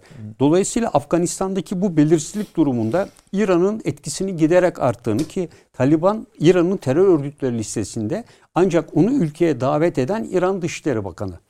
E, dolayısıyla bu ilginç aradaki hususlara baktığımızda ve iki temel husus sormuştu Taliban Afganistan hükümetine e, tutuklu olan 7500 Afganistan militanının serbest bırakılması. Bunu e, asla öyle bir şeyi e, değerlendirebileceklerini düşünüyorlar. Ancak diğer hususlarda kesin anlaşma yok. Zaten son 15 günde e, çok sayıda Taliban'ın saldırısı oldu Afganistan'da. Evet. Yani ee, oradaki ilginç nokta şu paşa. Evet. O bölgeden bahseden herkes şöyle yapıyor. İran'ı konuşuyor. Afganistan'ı haydi haydi konuşuyor. Hindistan'ı konuşuyor. Üstünü konuşuyor. Alttaki denizleri, limanları konuşuyor. Ama odada koskoca bir fil duruyor. Ona kimse dokunmuyor. Ne Ruslar dokunuyor ne Amerikalılar. Pakistan. Tabii. Orada açık yer yani o e, üçgenin bir köşesi ise bütün konuştuğumuz yani Doğu Akdeniz, Orta Doğu haritasının üçgenin köşesi ise oradaki önemli oyuncu Pakistan. Orada kim Pakistan'la e, daha rahat bir ilişki kurarsa Türkiye'nin durumu zaten ortada. Çin'in durumu Ama da ortada. Zaten Pakistan'la Çin e, Amerika'ya göre oldukça ileride. Ruslar yani, da demek tabii. ki rahatsız. Hatırlarsanız evet. bir başka evet. hatta şey kurmuştuk. Hani Rusların dediği gibi Gürcistan, Rusya, Türkiye, Azerbaycan, Ermenistan, Altılı. İran altılısı. On, onlar da onlar da saymıyorlar. Evet, böyle böyle kuruluyor dünya haritası. Buyurunuz. Yani burada e, e, İran bir yandan e, hinterlandı içine, kendi sınırları içine çekilmek isteniyor bu görüşmelerle ama İran'da bir yandan e, batıdan çekilmesine kadar Afganistan'a doğru ve oradan da Orta Asya. Onunla ilgili ciddi stratejik planları var Orta Asya ile. Afganistan üzerinden Orta Asya'ya uzanma çabası içine giriyor. Bir yandan Kafkaslara, işte Zarif'in e, Azerbaycan ziyareti, arkasından Türkiye ziyareti, işte Sayın Cumhurbaşkanı ifade ettiği altılı diyalog e, süreci başlatma çabaları. E, bütün bunları dikkate aldığımızda İran'da kuzeye ve doğuya doğru sanki batıdan kısıtlanacağını düşünerek yeni bir e, strateji açılım ve açılma. Ve yumuşak e, açılım. Evet yani yumuşak açılım yapıyor. yapıyor konuşarak. Belki annem bu Soçi'den belki yumuşak bir şey çıkabilir. Değişik bir şey e, çıkabilir. E, bir Soçi'den ümitli değilsiniz siz. Yani Soçi e, pek e, bu diyalogların altılı diyalog temelliden öte pek geçeceğini Rusya düşünmüyorum. biraz Amerika adına kontrol ediyor gibi evet, bölgeyi. Evet, yani. Bu evet. Soçi'yi falan onun için kullanıyorlar. Evet. Bence Zamanlamasını ona bağlıyorsunuz. E, dolayısıyla e, bu süreçten sonra e, Türkiye'nin tabii Irak'ta da e, özellikle İran kuzeyinde de unsurları var. Oraya Onlara geçemedik bile bazen. Amerika Birleşik Devletleri'nin o tarafa fazla dokunacağını düşünmüyorum. Yani Türkiye e, bölgesinde. Ancak bunun öncelikle e, bir de tabii ilginç bir vaka daha oldu. E, Amerika Birleşik Devletleri Adalet Bakanlığı e, bu Florida'daki eyalet meclisine giren e, bir e, YPG'liyi Amerika Birleşik Devletleri YPG'yi yabancı terörist olarak evet, tanımlamaktadır diye de bir ifadede bulundu. Adalet Bakanlığı'nın evet. bir ifadesi de var. Türkiye aldı ee, Evet. Yani e, dolayısıyla Amerika'da esasında iki farklı çelişki e, içinde gibi görünüyor ama sahaya askeri uygulayıcılara baktığımızda bu çelişki değil. Yani en son Haseke'ye giden e, 40 tır dolusu malzemenin bir gece içinde sınırdan geçişi, e, aynı anda Haçlı Şabi'nin Amerikan birliklerine kurduğu pusular var. E, birkaç tane de pusu var. Yani bölge esasında son derece hareketli. E, bu bölgede Amerika... Esasında fokurdamayı anlatıyor. Evet. Yani asıl hatlar daha evet. yani karşılıklı olarak birbirlerine ilerlemiş değil. Evet. E, ama bugün sonuçta 12. günü yani 20 Ocağı göre bakarsak Amerikan yönetiminin daha 12. gün. Ama bence İran'ı evet, tabii bir çatışma olmadan hani Mackenzie dedi ya Trump'ın son zamanlarda savaşın eşiğinden döndük dedi İran'la. Bence e, Biden henüz İran'la çatışmaya girmeden e, bu e, unsurlarla bu nasıl diyeyim taktik harekatla ve vekilleri kullanarak her iki taraftan da İran'ı çünkü şu anda İsrail de zorluyor. Yani İsrail'in belki de elini zor tutuyor Amerika. Yani İran'a karşı bir operasyon çünkü, çünkü Biden'ın tavırlarını gördüğü için e, Suriye e, içinde ve e, Irak'taki İsrail'e yönelik olan Haçlı Şabi veya İran milisleri veya Hizbullah'ın bu bölgeden çekilmesi İsrail'i kısmen rahatlatacaktır. E, aynı zamanda Amerika Birleşik Devletleri'nin de e, gücünü büyük ölçüde e, İran'ın terbiye edilmesine e, verecektir. Yani bu yollarla e, ben e, Biden'ın e, İran'ı özellikle e, terbiye etmeye Devam eden süreçte yoluna. şimdi ya bu şeyi konuşma şuraya e, akacak Hindistan Pasifik'e ya da Doğu Akdeniz üzerinden batıya akacak. Bakalım nasıl olacak efendim. Abi paşam bunun mümkün olabileceğini düşünüyor musunuz? Hangisi? İran'ın terbiye edilmesini. Yok işte onu diyecektim ya ama siz... son... ha, pardon özür dilerim onu yok, tamamlayalım yok, yok, da. Onu, ama siz mümkün edelim. olduğunu söylemiyor muydunuz? Yok yok yani İran'ın İran, şu açıdan söylüyorum. Hani orada bir savaş halinin ortaya çıkacağını düşünüyorsunuz ya. Çıkabilir de savaşın o da terbiye yani belli olmaz. Peki peki. Yok tabii yani İran e, buradan terbiye edilmesi mümkün değil ama İran zaten bunu hissettiği için biraz evvel dedik ya biraz açılıma başladı. Yani e, mesela artık e, Esad'dan ümidini kesti. Çünkü Esad'ın Rusya ile ve Amerika ile işbirliğine başladığını gördü e, orada kalabildiği kadar kalacak. Haçlı Şabi üzerine yüklenildiğini görmeye başladı. E, buna yönelik operasyonlar ve DAEŞ'in Amerikalılar tarafından Haçlı Şabi için kullanılmaya başlandığını gördü. Ve e, 1 milyon dolarlık bir zırhlı araç Irak kuvvetlerine teslim edildi. Daha yeni olarak harekette bunu kim kullanacak bilmiyoruz Tabii. yani de. Yani mesela bir program öncesi, Perşembe günkü programımızda bu şeyi de Körfez ülkelerinden Suudi Arabistan, Birleşik Arap Emirlikleri'ne Amerika'nın silah satışlarını tabii, askıya almasını da tabii. bu harita ekleyeceğiz. Bu da tabii var. O da yazdım Bu yoldan buraya. çıkmayacaksınız yani, diyor. Evet. Yani, Birleşik Arap yok Emirlikleri. Yok Türkiye ile evet. yok İran'la bir şeyler falan kımıldamayın. Hele hele Çin'le hiç anlamında. Bir de bu zamana Start 2'nin bu döneme gelmesi de Rusya'yı biraz rahatlatmak ve ferahlatmak amacıyla olduğunu düşünüyorum. Yani Vallahi... zamanlaması çok ilginç. Hı hı. Ee, gel göreve geldiğinin birinci haftasında dedi ki biz anlaşmayı imzaladık diyerek e, Rusya'nın e, bu konudaki endişelerini hı hı. E, çünkü Trump ben imzalamıyorum INF'den de çekildiği gibi hı hı. en azından e, Rusya ile bu konuda e, bir karşılıklı bir mutabakata varmaları. Şey bu, bütün konuştuğumuz tabloda hani ismi büyük bir şey ama o hani bir rötuş gibi ne Amerika yani evet hani dediğim gibi büyük küçük meseleleri de küçük büyük meseleleri de harita üzerinde izah eden bir şey değil o. Değil, evet. Rusya zaten razıydı. Amerika Biden yönetimi haydi haydi razıydı. Oynamadılar bile üzerinde. Evet, hatta evet, hatta evet. Çin'e tekrardan ya bak Trump bunu davet etti seni ama biz öyle davet etmiyoruz. Gel bak sen de düşün bile demediler. İmzaladılar geçti gitti yani. yani Reklamlardan sonra devam edelim tabii, mi? Tabii. Peki seyircilerimiz de bir çay koysunlar kendilerine ya da kahve. Ben hemen döneceğiz. Daha çok konumuz var.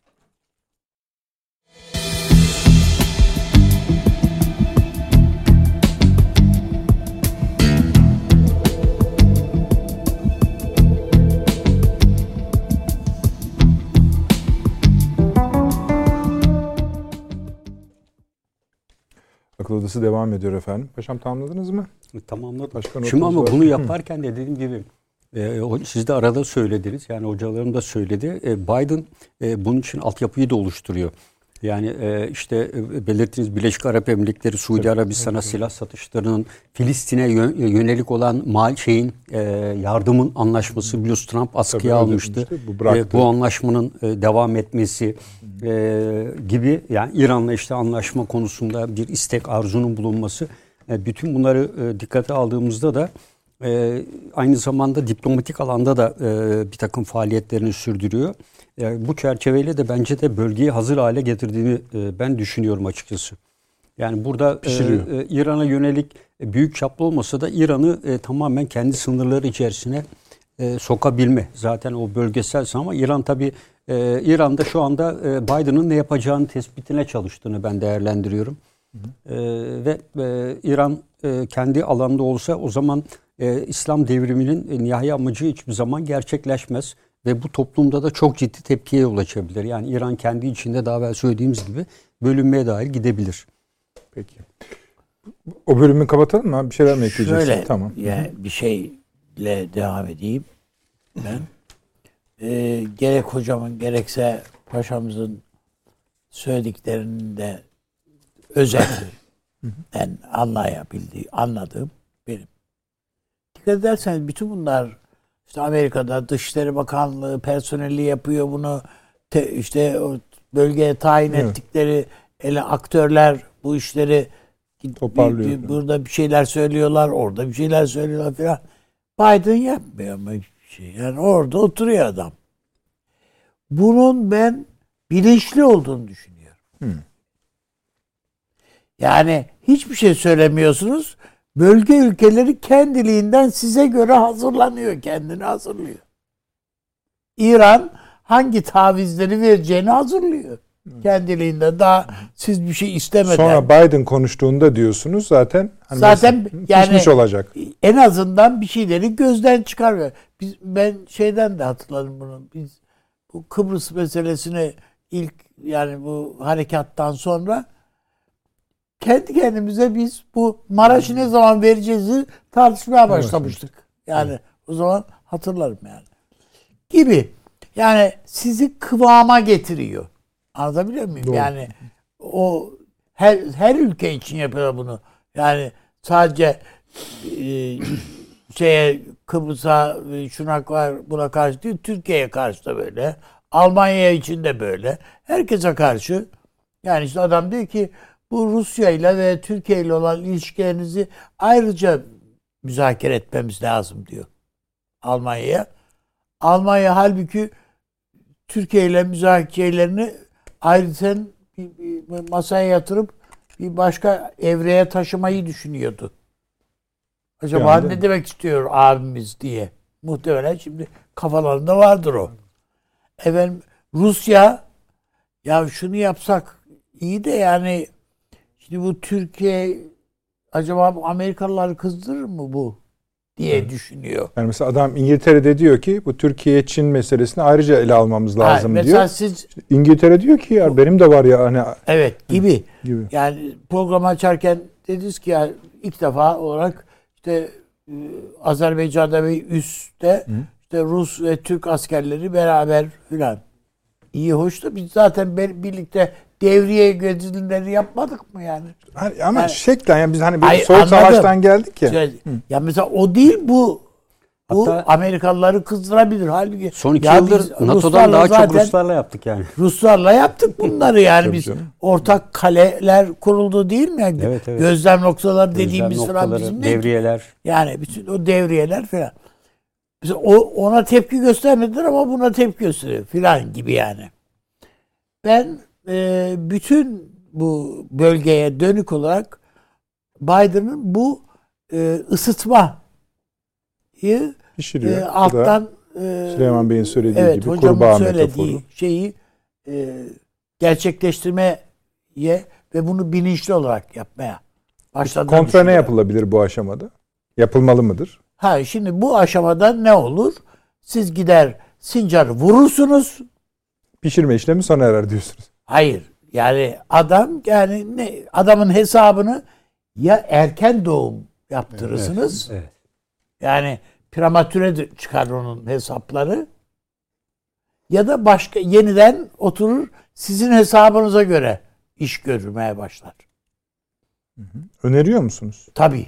Doğrusu bana göre odur. Yani Sincar'ı bütün bu unsurlardan hem Açtı Şabi dahil yani çeşitli kılıklara işte DH elbisesini giymiş, PKK elbisesini, YPG elbisesini giymiş filan bütün bu unsurların tamamından dümdüz edebilirsiniz. Orası zaten buna müsait de bir arazidir. Paşam evet, daha iyi biliyorsunuz daha siz. Değil mi? Yani öyle kandil gibi değil yani orası. Evet, evet. Daha rahat bir arazi. Ucu e, etrafı belli yani. Kandil Tabii. gibi sonsuz. Yani hava kuvvetlerinin çok rahat evet. şey yapabileceği bir arazidir. Müsait bir arazidir. Dolayısıyla yani ben e, bunun Amerika'nın sinir düğümlerine basacağını düşünüyorum açıkçası. Yok mesela bence o dediğiniz daha güzel duruyor. Hani bir erken doğuma ve prematüre bir şeyin e, ortaya tabii çıkmasına. Tabii yani bir an evvel ne yani karnındaki diyor ki yani mana fi batnı şair yani değil mi? Mana şairin kalbi midesindedir yani içindedir. Ee, yani içindekini söyle kardeşim. Sen karnında ne taşıdığını söyle. Buna getirebiliriz biz. Ee, her yerden bastırıyor adam. Yani Yunanistan Türkiye'de savaşa mı hazırlanıyor kardeşim? Ya görünüşe göre öyle. Evet. Ya Nereye bu, saldıracaksın bu sen? getirdiğin yani? bu getirdiğin helikopterleri Helikopterler. kullanmayı bile bilemezsin sen. Zırhlı araçlar. Zırhlı araçlar, şunlar bunlar. Yani ne ne arıyorsun bu dede ağaçta ne yapacaksın yani sen?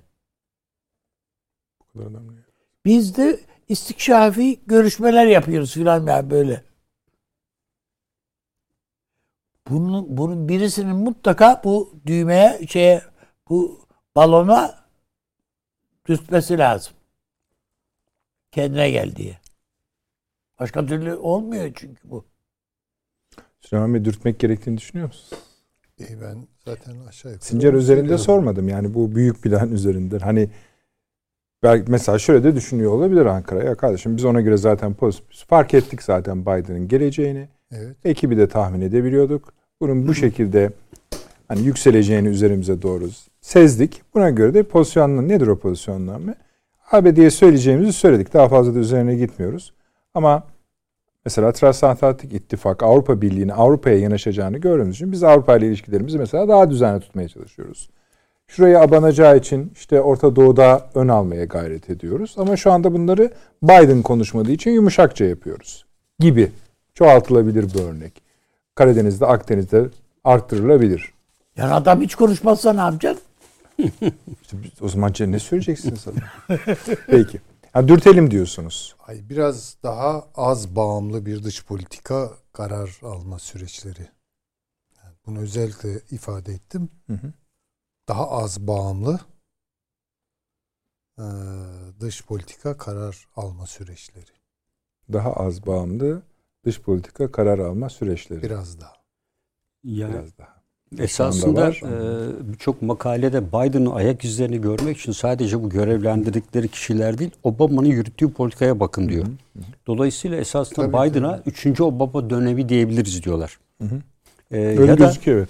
Ya da e, arada ayrıştığı noktada da birinci Harris dönemi olabilir diyorlar. Yani e, ha, başka, evet. Evet. evet. E, orada ayrıştığı noktada birinci Harris dönemi olabilir.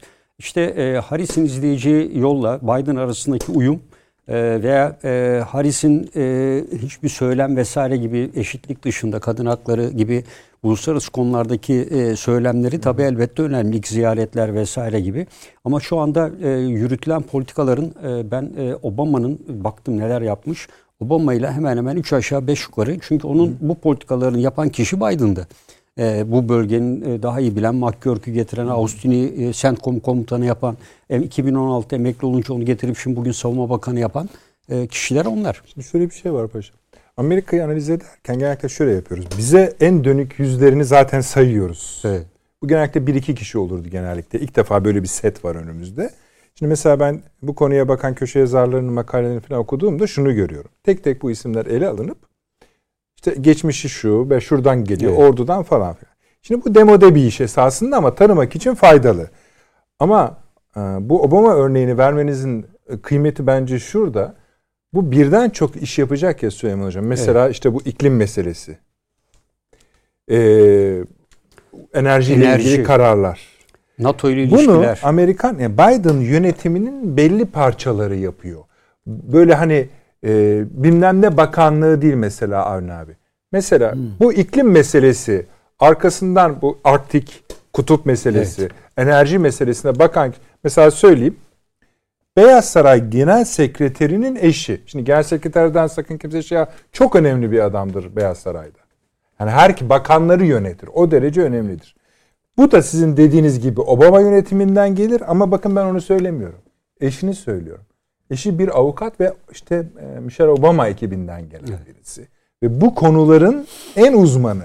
Yani bu enerji işi ne olacak? Kimlerle çalışacağız? Şimdi bizde Al Gore'un tek... yardımcısıydı. Evet, Al Gore. Gibi. Böyle bizde, kuruluyor bizde Bizde bir tek acaba yani biz enteresan bir atama gerçekleşti Türkiye'de. O da Sayın Sinirlioğlu Hı hı. Başdanışman Ee, tekrar tekrar atandı ve yani. Cumhurbaşkanı başdanışman olarak geldi Amerika'ya evet. buraya. Yani yaşı yani nedeniyle. geçmişte hı hı. Türkiye dış politikasını yani Müsteşar. e, evet Dışişleri Bakanlığı müsteşarlığını üstlenmiş ve birinci derecede Türkiye'nin uluslararası ilişkilerini yönetmiş olan insan Amerikan siyasetini yakından izlediği bir dönemin ardından şimdi Cumhurbaşkanımıza danışman olarak geldi. Yanlış hatırlamıyorsam BM'de de çalıştı. Evet, evet. Tabii, tabii. Yani bili, artık biliyor yani. Daha bir temsilcimizdi yani evet, zaten. Hı hı. Onu demek istiyorum. Dolayısıyla ben e, ve Seriloğlu'nu e, görevde olduğu bir dönem, dönemde bir seyahatte Sayın Cumhurbaşkanı'nın bir seyahatinde tanımak imkanını buldum. O bakımdan e, evet çekincelerimizi söyledik az önce Amerikan Türk-Amerikan ilişkilerinde. Ama bizden farklı şu da konuştuklarımızdan farklı yaklaşmayan bir hmm. insan olarak tanıdım. Hmm. E bu yani bu son dönem atamayı bu bu manada mimariye ekliyorsunuz. Yani hmm. bu yani Cumhurbaşkanımız da etrafını tahkim Kim ediyordur ediyor? bu manada diye düşünüyorum. Yani mutlaka evet bu politikaları çok hakim bir İbrahim Kalın var yanında. Tabii birden çok önemli. Normaldir. Efendim işte Fahrettin Altun bütün bu görüşmeler sürecinde yanındaydı filan ama bu bir iki kişiyle olacak bir şey değil ama böyle bir şeyde e, Cumhurbaşkanı'nın etrafında bu işi diplomasi alanında bu alanı bilen birisi. seviyesinde bilen de birisinin ona hakim birisinin ilaveten ek olarak olması yani masada çok bulunmuş olmuş. adam çok kıymetli. Ha? Avni abi. Uluslararası müzakere masalarında bulunmuş adamlar çok önemli. İnsanlarımız çok önemli. Tecrübe yani. Yani ben e, bu, bunu bir ilave Öyle. şey olarak yani Türkiye'de karşısına ne çıkacağından o kadar bir haber değil. Yani şurada söylediklerimizin hı hı. iyi kötü e, farkındalığı var gayet. Cumhurbaşkanımız da farkında. Muhtemelen e, Fahri, Fahri Hoca gibi e, paşam gibi e, bir, bir takım askeri yetkililerden de bilgiler gidiyor. Hı. Efendim daha geçen gün bir deniz amiralimizin emekli bir deniz amiralimizi televizyonda izledim. Eve imkanını buldum. Türk donanmasına nasıl bir tuzak Kuruldu, geçmişte evet. kurulduğunu ben bu kadar vukufla anlatıldığını görüyorum ve nasıl bir süreci yani bizim ne Amerika'nın bizden ne istediğini esasında donanma üzerinden Tabii, okumak ediyor. gerektiğini. Tabii. Şimdi bütün bunlardan evet tamam bizim televizyonlarımız tabii şu niye böyle oldu filan böyle ince çekirdeğiyle uğraşıyor elbette. Ama bu tür meselelere en azından hukuk sahibi insanların işte hocamın olsun, paşamızın olsun bunların e, insanlara bu tabloları anlatmaları için biraz daha e, zihin açıcı olacağını düşünüyorum. Yani ben açıkçası yani ben mesela donanma üzerinden okumamıştım hiç. Türkiye'ye, Türk-Amerikan ilişkilerini. Evet. İlk defa yani basmaya acaba nedir ne değildir tekrardan okumaya başladım. Biraz, son bir haftadır. İlk oradan yani, yapıldığına evet, göre bir şey. Yürüdü. Yani Hı. biz daha başka yani kara, kara ordumuz üzerinden bakıyoruz. Genelkurmay üzerinden bakmaya alışmışız. İşte filan yani filan. Halbuki adam Türkiye deyince donanma diye bakıyor. Ve adam diyor ki sadece şimdi değil Çaka Bey'den beri böyle bu işler. Türkiye'yi Akdeniz'de istemiyorlar kardeşim diyor. Ege'de Akdeniz'de istemiyorlar. Neler yapıldı? Bütün bunları bu Akdeniz'de meydana gelen şimdiye kadar Osmanlı'nın deniz savaşlarını falan her bir şeyi böyle Şöyle de yok. Abi yan yani yana yeni dönemde vakit, donanmaya, deniz kuvvetlerine verilen ekstra önemi de buna yol, tabii, sebep o yani. Tabii. tabii. Peki. Ve bunun nasıl Amerika'da öfke çektiğini, Türkiye'nin savaş kabiliyeti arttı demelerinin tek dayanağı sihalar değil yani. Tabii Aksine donanma. Eyvallah. Önemli.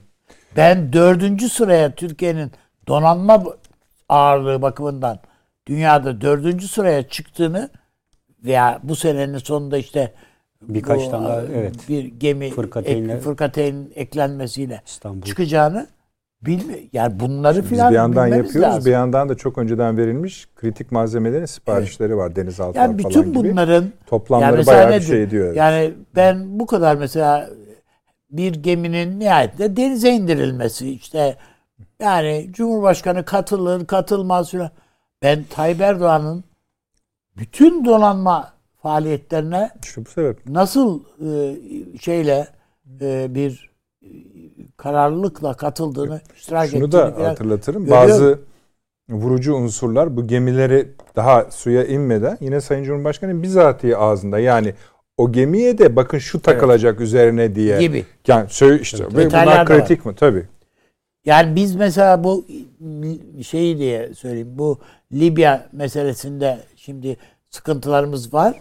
Çünkü biz hesabımızı e, F-35'lerin gemilerden kalkan Tabii, şeylerine ben, versiyonlarını da F-35'lerin alacağımız hesabına göre yapmıştık esasında sınırlandırılmasında e, bence F-35B'lerin çok daha etkili. İşte Çünkü e, onlara göre Anadolu yaptık. amfibi hücum gemisinde ve Trakya'da Tabii. geliyor. Hı-hı. Bu ikisiyle Ege ve Doğu Akdeniz'de ol, kesin bir üstünlüğümüz oluşacaktı. Tabii. Yani ya, F-35 bir, ağlardan... Yani Akdeniz'de kıyı, evet. kıyısı bulunan ülkelerin birkaçını yani normal F-35'ler şey. değil bizim esas evet. şeyimiz. B, B, F-35 B serisi. B. Evet peki. Yani, dikine inip kalkan. Evet. Dikine inip kalkan modelleri. Yani bütün bunları tekrardan Türkiye'nin değerlendirmesi. Ve adamın esas öfkesi buna. Peki. Ee, Süleyman Hocam. Buyurun. Şimdi Almanya görüşmesi vardı biliyorsunuz. Şimdi donanma deyince oraya geçmemizin sebebi biraz ondan. Doğu Akdeniz görüşte başlığı buydu. Sayın Bakan gitti orada mevkidaşıyla görüştü. Resmi açıklamalar kalın hatlıdır şunlar şunlar konuşuldu. Tabii ki Doğu Akdeniz en üstte konuşuldu. Libya konuşuldu. NATO çok konuşulduğu belli. Alman tarafı buna çok vurgu yaptı. Türkiye NATO üyesidir. NATO üyesi kalacaktır. Biz de öyle düşünüyoruz zaten. E, ama altı da bu şekilde çizilmiş oldu. Biz o görüşmeden başlayalım ama içeriğinden değil de Almanya'nın rolü üzerinden başlayalım. Müsaade ederseniz oradan hemen İngiltere'ye geçelim. Bu Çin anlaşması vesilesiyle. Yalnız şöyle Hocam bu şeyle ilgili başlarsınız değil mi Süleyman Hocam? Silahtan hani bu sefer sizden çıkınca iyice konu dağılmasın seyircilerimiz açısından diye. Hani bu e, bizim savaş uçaklarımızın ömrünün uzatılması, uzatılması meselesi. Evet. Savunma Sanayi Başkanımız bir açıklama yaptı biliyorsunuz. Evet, evet. 1200-1500 parça bir uçakta değişiklik yapıyorlar her bir uçak evet. için. Şimdi bu da ömrünü bir ne kadar uzatıyor ben sorayım evet. size. İki bunu niye yapıyoruz ki F-35'ler gelmeyecek mi? 3 bunun bir süresi olmak lazımdır. Uzatırsınız o da size 10-15 yıl sağlar. Zaten Peki e, eğer bu 10-15 yıl 10 yılsa diyelim örneğin e, 20-30'da yani 2030'da bizim kendi uçaklarımıza yetişecek mi? O mu hesaplanıyor? Oraya kadar bununla idare edelim mi deniyor? Son olarak da şu idare eder mi? E, tabii yani öncelikle e, F-35 konusunda Amerika Birleşik Devletleri'nin e, şu anda kısa e, süreçli bir üretimi devam ediyor ama genel perspektifte üretimi e, durmuş durumda. Evet. E, bu süreç içinde tabii bizim önemli olan bir de bizde devam eden yedek parçaların üretimi de belli bir süre sonra sona erecek. Yani bu yıl içerisinde veya bu yılın sonuna doğru e, bu da sona erecek ama bunları üretecek bir e, ciddi anlamda bir firma da bulamadılar. Yani birçok ülkeye teklif edildi ve aynı nitelikte ve kalitede yapamayacaklarını da deklare ettiler. Ee, burada son çare tabii e, F-16'ların e, ömürlerinin uzatılması. E, esasında Yunanistan da bunu başka bir boyutuyla yapıyor. Daha evvel de açıklamıştık. F-16'lar hep blok dediğimiz, aşamalı geliştirme dediğimiz stratejiyle hep gelişti. Bu şey dedikleri B evet, blok, C blok. Blok, blok işte blok 10, blok 20, 30, 40, 50 diye. İşte Birleşik Arap Emirlikleri'nin de elinde var. 70, 60 gibi bloklar var.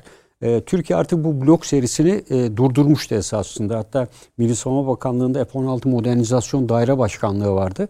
Bütün bu faaliyetler oradan tek elden yürütülüyordu ve çok başarılı ve dünyada da bu blok serisinde Türkiye F-16'larla da örnek oldu. Mısır ve Pakistan gibi birçok ülkelerin F-16'ları da bu sistemler içerisinde Türkiye'de tayden e, geçti. E, şu anda tabii e, kısa bir zaman içerisinde ki Türkiye F-16'ları bir Yunanistan'ın F-16'larına göre çok daha göre sadece Güneydoğu'daki operasyonlar için sınır ötesi harekat kapsamında baktığınızda uçakların kullanma sürelerinin çok çok daha fazla olduğunu yani dünyadaki F-16'lardan hemen hemen hepsinden çok fazla olduğunu görürüz. E, dolayısıyla bütün bunları... Bu konunun uzmanlarının genel olarak söylediği şey şu. Bu tür operasyonlarda Türkiye daha çok artık İHA'larını ve SİHA'larını kullanacak. Saat süreleri düşecek. Bu yenilenmeyle de belli ki diyorlar 20-30'a kadar Türkiye idare etmeyi planlıyor ya da yedekliyor öyle söyleyelim. Yani olsun olmasın bir yerden bir şey gelsin gelmesin.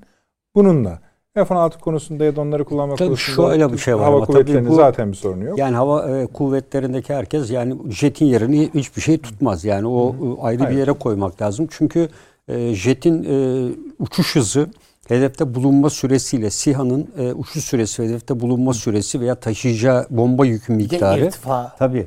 E, ikincisi e, radara işte yakalanıp yakalanmama evet. ve diğer birçok faktörleri dikkate aldığınızda F-16'lar tekrar e, Türkiye'de kullanılmaya devam edecek. Zaten Türkiye'de F-16'lar NATO'nun genelinde de F-16'lar bizim sadece e, hava yer değil, hava hava e, muharebesinde e, de hava savunma sisteminde de kullanıyor. Yani Türkiye bugüne kadar S-400 yokken neyle idare ediyor derseniz e, yüksek irtifada ve e, F-16'larla birlikte biz hava savunma görevini aynı zamanda yürütüyorduk.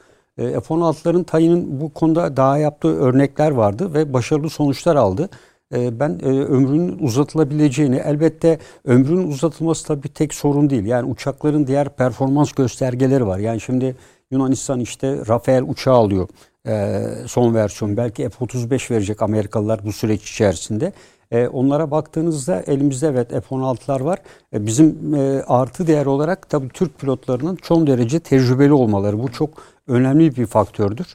E, ama tabii Yunanistan'ın işte Rafael alması, F-35 alması e, ciddi bir şekilde e, bir hava üstünlüğüne yol açabilir. Yani e, e, denizde ne kadar üstün olursanız, karada olursanız olun e, hava üstünlüğü son derece önemlidir Ege gibi bir denizde. E, bunun içinde e, Türkiye bu arada arayışlarında mutlaka sürdürecektir. Yani Hı. sadece F-16'ların modernizasyonu evet iyi bir çabadır. Tamamen Türkiye'nin bin küsur parçayı kendisinin bu planlandı zaten Hı. ve başladı bu çalışmalar. E, bu da önemli bir faaliyettir ama mutlaka e, eğer Biden yönetimiyle de ilk 3-5 ayda da herhangi bir gelişme bence olmazsa e, mutlaka görüşmeleri ve süreçleri devam ediyordur. Ama böyle bir hava gözükmüyor değil mi? Alternatifler devreye girecektir. Çünkü Peki. yani e, bununla bu devam et, uzun süre devam etmez. Peki. Resul Hocam tekrar büyük haritaya dönebiliriz. bu bölümü kapadık. Siz de dinlendirmiş olduk. Soruyu sormuş idik zaten. Ee, ben de soruyu e, büyük bir soru. Cevabı büyüterek başlayayım. Lütfedersiniz. Estağfurullah. Ee, üstadım daha iyi bilir. Ee, sizler de muhakkak e, çok iyi biliyorsunuz. Bu Türk milliyetçiliğinin doktriner tarihinde çok mühim bir adam vardır. İsmail Gasprinski. Gaspralı İsmail. çok büyük bir adam. Yani ben hayatında inceledim. Yazılarına filan da baktım. Ee, onun bir şiarı var çıkardığı gazetenin e, başına koyduğu dilde işte birlik. Bizim gazetenin de. Evet. Şeyidir. İşte oraya gideceğim. evet. Şimdi dilde birlik meselesi, alfabede birlik meselesini de tabii gündeme getiriyor. Bu konuda böyle çok tartışmalar var. İşte Arap alfabesiyle mi devam edeceğiz? Latin Bu ara biz işte bir alfabe devrimi yapıyoruz. Latin alfabesine diğer Türk toplulukları Rusya'nın network'üne giriyor. Hepsi Kiril alfabesi Kazakistan falan. dönüyor bu arada. Yani Ama işte tam da oraya gelecektim. Oraya mı? Özür, ay özür dilerim. Kusura bakmayın. Hani ben genel bir şey yapıyorsunuz diye. Şimdi tabii, tabii Soğuk Savaş bitti falan. İşte evet. temaslar başladı. Şu bu. İşte Azerbaycan Latin alfabesi kabul etti. Ee, Kırgızlar maşallah o konuda hiç kıpırdamıyorlar. İşte Kazakistan'da tartışıldı. Evet. Ee, yani baktığımız zaman yani bir şey var yani bir Latin alfabesine geçiş. Bir, bir belge var yani Tabii. şöyle olacak diye. Ha. Kazakistan çok kısa bir süre önce açıklama yaptı. Biz Latin alfabesine ne geçiyoruz. Geçiyor? Şimdi şöyle düşünün. Bu Rusya'ya ağır bir darbe, cevaptır.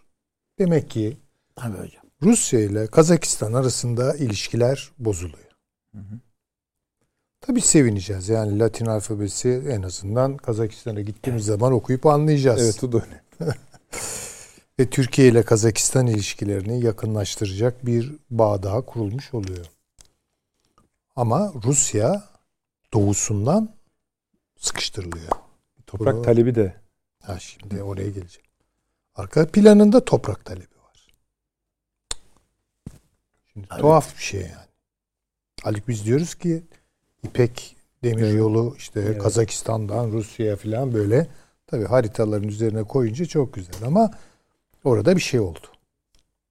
Ve bu Rusya'yı alarma eden bir şeydir yani. Rusya'nın bunda dahli nedir ne değildir onlar tartışılabilir. Şimdi bakıyorsunuz Rusya'nın batıya doğru gittiği yerde işte karşısına bir beyaz Rusya meselesi, Baltık problemleri, Almanya-Rusya ilişkilerinin belirsizliği çıkıyor. Daha aşağıya doğru bir Ukrayna meselesi var. Bayağı bir çevrelemiş Rusya meğerse. E, Kafkasya'da Fransa burnunu soktu, Ermenistan'ı işte destekledi değil mi yani? Evet. Yani orada bir Avrupa hançeri yedi bu sefer Fransız işçiliği taşıyordu o ağırlıklı olarak. Ukrayna'da da Almanya hançeri yemişti. Yani iki tane Avrupa hançeri. Şimdi biz hep kendimize bakıp e, ne yapacağız? Evet hmm. bir birinci bölümde işte sıkışmış haldeyiz. Ne yapabiliriz filan. E, Rusya farklı mı? Rusya belki bizden beter sıkıştı. Evet. Beter sıkıştı. Ona abanıyorlar yani. Abanıyorlar. Fransa, Fransa evet, Tabii. çıktı dedi ki bu kuzey akım 2 Tamam. Ondan, Çünkü çok, bu akşam çok sürpriz oldu. Kusura bakmayın. Yok estağfurullah. Yo yo daha da seviniyorum. Ee, ağzımdan alıyorsunuz beni rahatlatmış oluyorsunuz. Hep şunu vurguladım. Transatlantik Almanya, e, Amerika Birleşik Devletleri ve Fransa ittifakıdır. Bir kere yani çekirdeği budur. Çok yanlış bir şekilde bazı ben görüyorum gazetelerde yazarlar ısrarla bunun Almanya Amerika anlaşımı. Hayır. Bu yanlış. Şey. Bu çok yanlış bir şey. Yani Berlin, Moskova, şey Washington değil. Washington, Paris. Hep Lafayette'in hayaleti dolaşıyor diyorum. Benjamin Franklin'in hayaleti evet. dolaşıyor diyorum. Böyle bir şey var. Bunun içinde de tabii aslında tarihsel bir gerilim alanı canlanıyor. Ee, bir Avrupa fay hattı bu. Siyasi bir fay hattı Almanya ile Fransa arasında. Şu an Almanya siyaset açısından hani demin konuştuk ya herkes Biden'ı bekliyor. Biden daha konuşmadı nedir falan. Herkes işte iyi kötü elini ona göre hazırlıyor falan. Almanya tabii çok serin kanlıdırlar Almanlar. Alman siyaseti evet. çok serin kanlıdır ama onlar da renk vermiyor hocam. Renk vermiyorlar ama orada da büyük bir hesaplaşma var. Yani şimdi Merkel sonrası ne olacak? Merkel sonrası ne olacak? Eğer Merkel sonrası Almanya yeniden Amerika Birleşik Devletleri'nin güdümüne girerse kontrolüne, tam kapasite kontrolüne. Yani Allah Ruslar acısın mı diyeceğim yani. Yani çok acayip bir şey olur. Olacak yani mı olmayacak mı? Şu an direniyor. Yani, yani direniyor. şu anki görüntü o. Şu an direniyor. Yani belki de daha da direnecek yani. Çünkü Almanya'nın askeri gücü yok bildiğimiz gibi. Yani şimdi empati yapalım yani Alman olmak ne demektir? Alman olmanın hissiyatı. Yani ortak payda olarak teknoloji tarihinde varlar. Sanat tarihinde varlar. Felsefe tarihinde varlar. E, mühendislik tarihte varlar. Yani bir de coğrafyayı kuran Ratzel. Yani değil mi yani bu adamlar böyle peki ne yapalım yani bu da böyleymiş evet. deyip otur. Hayır. Yani hukuk tarihi öyle. Hepsi yani. Yani hani biz modernlik öncesi tarihimizin uygarlığıyla övünüyoruz ki haklıyız. Övünmek için. Ama adamların burnunun dibinde çok yakın bir tarih var. Einstein'ı falan çıkartmışlar bu adamlar. Beethoven'i falan çıkartmışlar. Von Braun'u çıkartmışlar. Yani oho say say bitmiyor. Onun için bence Almanya'nın oynayacağı şey e, Drang nach Osten. Doğuya açılacak. Yani bu bu çok açık. Bu Böylece sadece, Doğu Akdeniz'deki platformu da izah ediyorsunuz. Yani Transatlantik İttifak'ın rabıtalı olduğu alan o aslında. O alan. Hatta şu sorunun da cevabını biraz gecikmeyle veriyorum. Amerika Birleşik Devletleri'nin Doğu Akdeniz platformuna hızla girmesi de bu yüzdendir. Çok önemli sahiplerden Fransa'yı bir tanesi. Tabii Fransa istedi. Dikkat edelim ya aynı şey oluyor orada. Peki Almanya bu durumda ne yapacak? Yani Almanya'nın şöyle bir handikapı var. Rusya ile sarmaş dolaş anlaşarak hayır böyle bir şey olmaz. Valla Rusya çiğ çiğ yer Almanya o zaman. Çiğ çiğ yer. Bunu Alman da yedirtmeyecektir tabii. İtişe kakışa. Ya buna diplomaside bir kavram belki de vardır. Taşan Hoca biliyordur. Yani kol kola giriyorsunuz ama dirsekleyerek birbirinizi. Ukrayna'da bunu yaşayacaklar. Daha da yaşayacaklar yani. Birçok şey olacak. Bütün hesaplar, Rusya'nın hesapları da, Almanya'nın da hesapları benzer olarak e, bu bağı en azından ekonomik olarak bir kere kurmak. Kuzey hattı bu. İkincisi pazarlığa açık şeyler var. Doğu Avrupa'da, Baltık'ta Almanya-Rusya ilişkileri nasıl işleyecek bunu da göreceğiz. Ukrayna meselesini bakalım konuşacaklar nasıl mı? Nasıl olacak? Bunu bilmiyorum.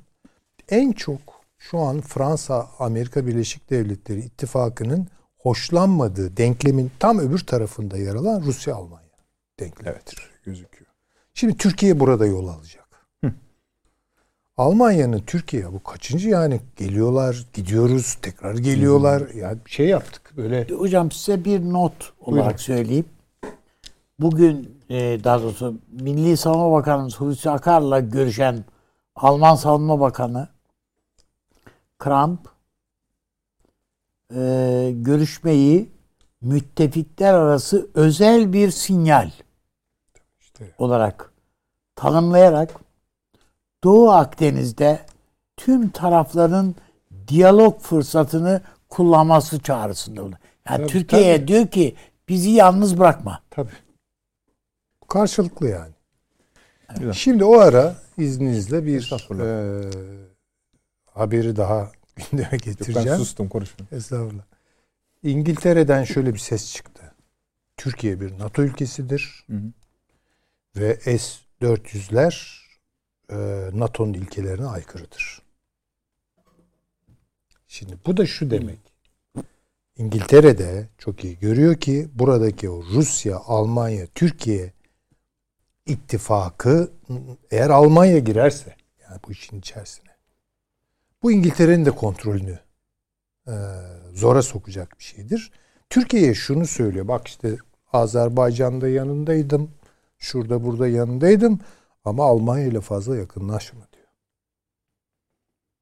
Fransa'yı kayırdığı için değil. Kendisiyle değil, değil. Ilgili. Kendi hesapları var. Evet. Hatta şimdi bakın İngiltere demin Çin'i konuştuk. Daha girmedik ya oraya. Yani Hı. bu Çin e, Pasifik e, anlaşmasına dahil o eşanlı olarak transatlantik anlaşmasına da girmek istiyor. Ha. Üçüncü bir taraf olarak. Doğru. Bundan da bahsetmiştik esasında güzel. Yani maşallah Hı. Bırakmıyorlar yani. Güzel parantez alıyorlar dünyayı. Dolayısıyla Türkiye ile Almanya arasındaki yakınlaşmayı bütün bunlara bağlıyorum. Bu bir avantajdır. Türkiye'nin bir avantajıdır. Fırsat. Tabii ki bir fırsattır. Çünkü Almanya şaka değildir. Üstelik hakikaten öyle lalet time bir e, ilişki de değil. Ta 1900 e, işte 8'lere hatta Abdülhamit Abdülhamid Sani döneminde Tabii. İlber Hoca'nın güzel şeyi vardır o kitabı da vardır. Bu Alman etkisini anlatan. Abdülhamit döneminde işte Jön Türkler, İttihat Terakki, Türkiye Cumhuriyeti 2. Dünya Savaşı arefesi vesaire. Yani bir de işçiler. Yani gitmeler, gelmeler, ortak evlilikler şunlar bunlar. Yani Türkiye-Almanya ilişkisi laletayn bir ilişki değil. Tabii ama çok dikkat etmek lazım. Yani kolay götürülebilir bir ilişki de değildir. Çünkü Almanların e, dış politika e, tercihleri e, o imparatorluk şeyinden mi geliyor artık geçmişinden mi geliyor falan. Yani ancak böyle kolunu kanadını kırarsınız ondan sonra yaptırırsınız bir takım şeyleri. Yani böyle pazarlık evet. karşılıklı aldındı verdindi filan Onu ee, pek bilmezler diyorsun. Onu pek bilmezler. Amerika onun için belki öyle davranıyor. Tabii ama şu an Türkiye'ye karşı bir dosya açtılar. Pozitif bir dosya açtılar. Doğru. Çünkü Dışişleri Bakanı geliyor buraya. Görüşüyorlar. Daha bir hafta geçmiyor. Milli Savunma Bakanları Bakanı. orada. Dışişleri Bakanları arasında ve dış, hemen akabinde Milli Savunma Bakanları arasındaki ilişkiler kuruluyorsa iki devlet arasında bu öyle lanet Biden uyarıyor Almanları. Uyarıyor. Türkiye ile bu kadar yakınlık hayra alamet değil diye. Tabii. Şimdi dolayısıyla Türkiye bu sularda. Almanya ile işi paralele girdi. Rusya bunu nasıl değerlendiriyor? Bakın bilmiyorum. Yani çünkü Rusya şu an bu konularda bir şey bir, bir ifade yok yani. Söylemesi de gerekmiyor ama gidişatlarından çıkarabileceğimiz bir şey de yok. Benim gördüğüm şudur. Eğer Türkiye, Almanya ve Rusya bu coğrafyada buna İran'ı da katabilirsiniz. İşte ne bileyim Azerbaycan. Almanya müsait o konuda. Ha, tabii yani başka aktörler de girebilir ama bence esas miğfer ya sac ayağı budur. Bunu oluşturabilirsek dengeli bir şekilde tabii ki e, o şeyi kırarız. Yani, Böylece şunu kırılır. söylemiş oluyorsunuz. Ee, Amerikan yönetiminin alacağı pozisyona ilişkin Türkiye'nin attığı ilk adım e, batıya doğru bir adım atıp biraz sağa doğru ama yani Almanya'ya Almanya doğru. Şimdi herkes şöyle yani mesela e, Tayyip Erdoğan konuşuyor. Diyor ki Avrupa ile bizim ilişkilerimiz tarihseldir ve evet. devam edecektir diyor. Bu şimdi bu Herkes tamam, Avrupa Birliği'nde sıraya giriyor, yazılıyor. Ha, bu Almanya'ya. Yani şey Almanya ile ilişkilerimiz adam. yakındır. Tabii, ben bunu böyle anlarım. Zaten tabii, doğru hocam. Doğru. Tabii, tabii Almanya ile yakınlaşmaktır. Çünkü şeyi gördü bizim diplomasiyi. Avrupa'da Türkiye'nin bu sizin dediğiniz üçlü sac yani inşa edebilmek adına e, açtığı kartlardan biri de Türkiye-Ukrayna meselesidir. O Tabii. da buna hem Almanya'yı hem Rusya'yı. Tabii. Tabii. Bir de mesela Almanya açısından Türkiye-Ukrayna ilişkilerinin yakınlaşması bir partner bulmaktır. Tabii, tabii. Yani işin içinde işler var ama sakın bunu böyle bir hani e, gönüllü ve belli değerler üzerinde uzlaşmış bir ittifak sistemi gibi değil. İşbirliği alanı olarak stratejiktir. Çok Hı-hı. stratejik. Hı-hı. Taktik imkanları da var. Onu da görmemiz lazım. Ee, Almanya-Fransa ilişkilerini iyi izlemek. Ya ben mesela en çok yani işte her gün ne yapıyorum? Bunun cevaplarından biri. Yani Fransa basınında Almanya ile ilgili neler çıkıyor? Alman basınında Fransa ile tabii hangi gazete olduğu önemli. Yani bunlara bakmak lazım. Ee, bunu çok iyi takip etmek lazım. Bakın Fransa-Rusya ilişkileri geriliyor. E, Stützeitung üzerinden takip ederseniz Alman yani Merkel'in veyahut da Alman siyasetini daha tabii, tabii. net kavrayabiliyorsunuz. Tabii, tabii. Açıkça adamlar dediler ki yani çıkan makaleyi e, kullandığım için söylüyorum. Diyor ki FETÖ ile ilgili bir analiz yayınladılar. Diyor ki karanlık bir örgüt, çok tehlikeli bir örgüt ve Illuminati ben de daha tehlikeli. tehlikeli. Evet. İlk defa Almanya bunu söylüyor. Almanya'da böyle bir tahlili şimdiye kadar duymadık yani. Tabii. Ama tabii bu aynı şeyi PKK için beklemeyelim. Onu yapmayacaktır aslında. Evet. Onu yediğinde tutacaktır. Evet. Yani gözden çıkarabileceği şeyleri söylüyor. Hatta geçen programda da konuştuk. Can Dündar'a yaptırdıkları o belgesele şimdi yani Can Dündar o belgeseli kimsenin kara kaşı kara gözü için yapmıyor tabii birileri yap diyor ona. Yani ama ne bekliyoruz biz? İşte bunu o örgütün desteklemesi, FETÖ'nün desteklemesi. Hayır FETÖ. Ateş Kıyameti, püskürüyor. Ateş püskürüyorlar. Böyle, böyle. Dikkat edelim bunlara. Yani. Çok teşekkür ediyorum. Çok memnun oldu. Paşam yine ya çok kağıt tüketiyorsunuz yalnız. Yani. evet. Buyurunuz. Ee, bence e, şeye baktım biraz e, Ostpolitik yani bize derslerde hmm. hatırlan. yani Amerika'nın evet yani e, 1967'de Willy Brandt'ın e, ortaya attığı onun arkadaşı var Bağır'la birlikte. E, özellikle Doğu Almanya'nın e, Berlin ikiye bölünmesiyle ve müttefiklerin buna e, sessiz kalarak Almanya'nın ikiye bölünmüşlüğüne bir tepki olarak Varşova Paktı ve Rusya ile e, işbirliğine ve yakınlaşmayı öngören bir e, politika değişikliği. E, bu politika değişikliği esasında Almanya'yı bugünlere kadar getiren ve devam ettiren de bir politika.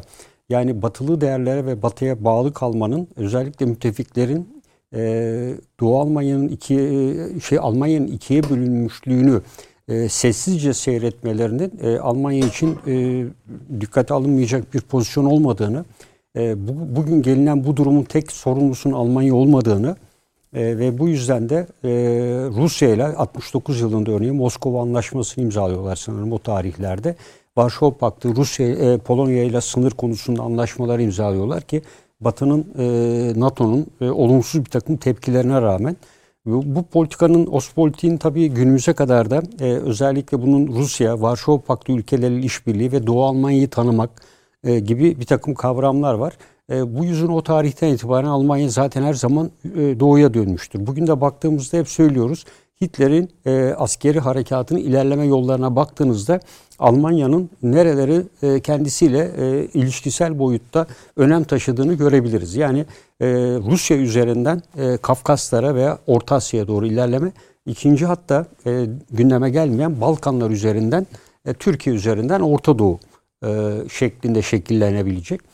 E tabi burada enerji kaynaklarına ve Almanya için yaşam alanı yani Lebensraum'a ulaşmak hı hı. E, bu çok önemli. Ospolitik'le birlikte birleştirdiğimizde esasında günümüzdeki yansımalar da var. Şimdi sadece şuna bakalım. E, bu geçen yıl sanırım Kasım ve Aralık'ta önemli bir konu oldu. Bulgaristan Kuzey Makedonya'nın Avrupa Birliği görüşmelerini veto etti. Evet. E, bu çok e, fazla tartışılmadı. Temel neden Makedon dili, onun bölgelerinde olan. Hmm. Ama e, daha evvelden bunun 2-3 defa daha tekrarlanır hale geldi bu. Örneğin Slovanya, Hırvatistan'ın girişine engel çıkarttı. Hırvatistan Sırbistan'ın girişine engel çıkarttı. En son şey Hırvatistan şu anda Bosna'nın girişine, Bosna Hersek'in girişine engel çıkarıyor ve dolayısıyla Balkanlarda tam anlamıyla bir bölünmüş ve Avrupa Balkanlar Balkanlar çok aktif. İsrail'in evet. de çok ciddi adımları e, var üst üste. Uluslararası siyasette zaten Balkanlaşma diye bir tabii tabii ta, tabir ta, var. Tabir var değil mi yani? Tabii. Şimdi e, Almanya Salata açısından gibi yani. Evet. O. E, Ospolitiği sadece e, Rusya ile ilişkiler e, veya Varşova Paktı ülkeleriyle ilişkiler değil. O Varşova Paktı ülkelerin bir kısmı Balkanlarda vardı zaten. Ve dolayısıyla e, Almanya'nın e, Balkanlarla ilişkileri hep söyledik. Hiçbir zaman kesilmedi. E, buradan doğuya doğru ilerlemenin e, Hitler'in tercih ettiği her iki yolda Almanya'nın kullandığını görüyoruz. Ostpolitik'in bir devamı gibi. Biri Rusya üzerinden Moskova ile yakınlaşma ve oradan Orta Asya uzanma. E, bunu daha evvel de söyledik hep e, Alman Dışişleri Bakanı'nın ifadesi var. Almanya'nın savunması Tibet'ten başlar diyor. E, bu gözle baktığımızda ikincisi ise Türkiye'den giden Hicer Zemir yolunu takip ettiği istikamet. Almanya'nın e, ileriki gelişme hattını ve bence temel hedefinin bu istikamet olduğunu düşünüyorum. Şu anda e, dünya ekonomik gücü içinde e, baktığınızda Portekiz, işte İspanya, İngiltere, Hollanda, İngiltere ve Amerika diye sayıyoruz. Arada Almanya yok ama e, Almanya'nın e, sömürgecilikte bulunduğu konum itibariyle deniz kuvvetlerinde ve deniz gücünün üstün olmaması sömürgecilikte ikinci planda kalmasına yol açıyor. E, bu durumdan baktığımızda e, Türkiye ile yakın işbirliği içinde olmadıkça ne Kafkaslar ne Orta Asya'da hep söylüyoruz ne Orta Doğu'da e, asla etkisi ve Afrika'da dahil olmak üzere diyebilirim. Çünkü Almanya'nın Afrika'da herhangi bir etkinliği yok ama Türkiye'nin e, Almanya'ya baktığınızda Afrika'da etkinliği çok çok daha fazla. Almanya bir takım yerlere eğer bu politikası dahilinde açılacaksa e, Türkiye son derece ihtiyacı var. Özellikle Balkanlarda tekrar eski gücün evet etkisi var ama Acaba e, Doğu Akdeniz'de ne yapabilir? Yani Doğu Akdeniz'e Doğu Akdeniz'e Balkanlar üzerinden inmekten başka yolu yok. Şu anda deniz gücü yok. Politik etki olarak ne yapabilir? E, çünkü orada bir şey oluşuyor. E, çünkü bu hani platform saydı ki Avni başta. O aynı zamanda Körfez ülkeleriyle de rabıtalı. Yani bir çizgi çektiğinizde. O aynı zamanda Avrupa Birliği'nin o kanadıyla da rabıtalı. Ve nihayet bunlara rehberlik eden bir Amerika var. Onun bir şekilde deforme edilmesi gerekiyor. Yani e, belki yine senin formülünü kullanacağız diyeceksin şimdi ama yok hani, e, öyle değil. değil. Baktığın vakit Balkanlara bak yani diyelim ki mesela Hırvatistan diye bugün bir devlet varsa Almanya sayesinde tabii, var. Tabii tabii. Yani yoksa yok. Yani öyle bir e, şey. E, Slovenya falan so, Yakın zaman tabii. yani o zaman daha euro yoktu ilk şeyinde. E, mark kullanıyordu Hırvatistan. Evet. Yani maaşları mark olarak evet, dağıtıyorlardı filan. Dolayısıyla yani Hırvatistan bir, bir şeyin bir platformun içindeyse Almanya orada zaten. E, zaten Slovanya'yı da saydığınız zaman Tabii canım yani, Bosna Hersek, Slovanya, Tabii. E, Karadağ. Ya bunlar e, Cermen toplulukları evet. esasında. Şimdi Almanların sadece Ostpolitik değil yani siyaseti. Bir de halklar diye bir evet. siyaseti var. Yani dünyanın neresinde Alman topluluğu varsa biz oradayız diyor adam. Ve özellikle de Avrupa'daki örgütlenmeler bunun üzerinden yapılmış. Avrupa'da doğuya doğru Alman halkının olmadığı şey ülke yok ya. Her tarafta var. Hatta varlar. Hatta şöyle bir şey de var. Yani Anıl e, tabii hocaya da bir saygıyla anıyorum. Onun makalesinden de en son okudum. Başka yerlerde de okudum ama Yahudilere devlet ararken devlet noktalarından biri evet. Balkanlar biliyorsunuz. Evet, yani tabii. dört yerden e, farklı yerlerden arıyorlar. Yani bunlardan biri de hatta tekrar e, Balkanlarda böyle bir yapı kurulabilir mi şeklinde bir takım düşünceler de var. Yani ileriye yönelik olarak tabii bunun bu süreç içinde gerçekleşmesi pek mümkün olmayabilir ama e, Yahudilerin Balkanlarla olan ilişkileri de devam yani ediyor. İsrail'in biraz da burnunu sokması evet, yüzden e, tabii, olabilir mi? Tabii. Bayağı ciddi ilişkileri Çok ciddi bir şekilde yani. ilişkileri yani var. Azerbaycan'daki varlığını orada direkt çekebilirsiniz yani. Uydu bazı Yahudiler hocam e, bazı Yahudiler Hitler'e gidip demişler ki Alma Yahudileri siz burada istemiyorsunuz. Evet biz de istemiyoruz burada olmayı. Bize yardım edin biz bulduğumuz coğrafyayı size söyleyelim. Bu buraya biz böyle topluca filan diye. Hitler'e söyleniyor bunlar. Bizim e, Erkilet Paşa'ya filan anlatmışlar. Onun evet, hatıralarında evet. filan var Gerede ya. De, gerede şeyler. Tamam. Ee, evet yani dolayısıyla ben e, Almanya'nın tabii bunlara uzanırken e, henüz daha bu gücü yok. Yani öncelikle Almanya biraz evvel hocamın söylediği gibi bütün alanlarda e, milli güç unsurları, askeri gücü dışında. Ha, bugün e, karar verildiği anda e, şu anda Çin'in yaptığı gibi üstün teknolojisiyle bunları çok kısa zamanda üretebilir.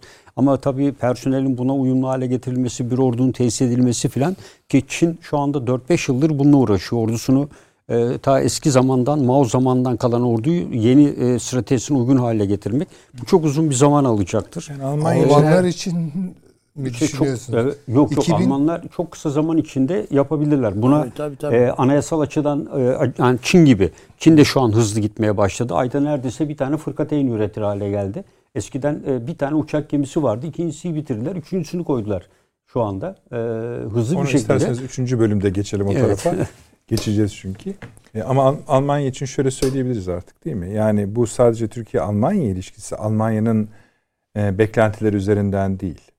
Almanya biraz tutunacak bir yerde arıyor ve bu az buz bir şey değil. Eğer tutunamaz ise bazı yerlere Alman e, Avrupa merkezi yapısındaki rolünü ve doğal olarak ABD'nin karşısındaki dik duruşunu kaybedecek. Varlık sebebini ortadan evet, kaldıracak. Bir de bir şey var Şimdi biliyorsunuz. Zaten evet. şeyin Kennedy'nin İbn Berlin'e de, demekten muradı yani burası benim diyor Amerika dokunanı yakarım diyor.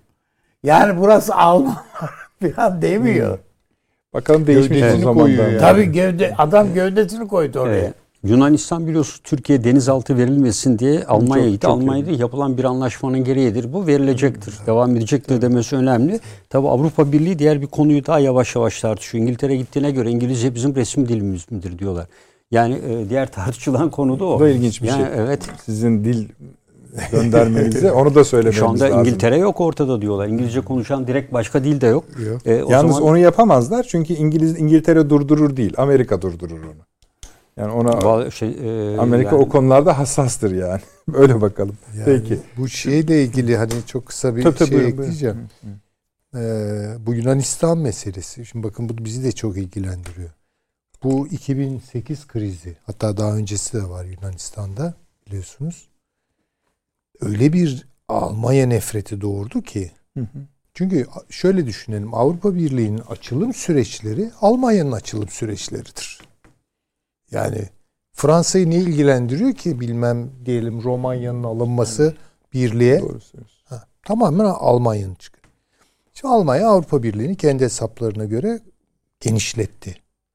Fakat o genişlemenin işte bu ekonomik kriz sebebiyle filan içini dolduramadı çünkü oraya yatırdığını oranın karşılaması gerekiyor. Bu adamlar üretim falan yapmak istemiyorlar. Ya bunlar Tabii hazır öyle. parayla. Tabii. Şimdi ne tameli bir ilişki. Patırtı başladı yani.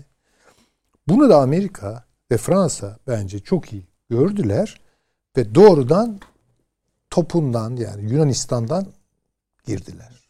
Orayı kontrol ettiler. Onun dışında Balkanlarda bir de Rusya, Almanya kişi kakışı var. Yani Balkanlar öyle çok şey günlere gitmiyor yani. Bizim de, bizim de oraya eski. bizim de tabii ki orada. Birleşik Arap Emirlikleri biliyorsunuz hemen hepsiyle anlaşmalar yaptı. Bir sürü kredi açtı. Tabii tabii. Evet. Hep tabii. bu bölge üzerine. Evet. Peki. Böyle Biraz şey daha var. doğuya gideceğiz efendim dönüşte. Kısadır. Hemen geliyoruz.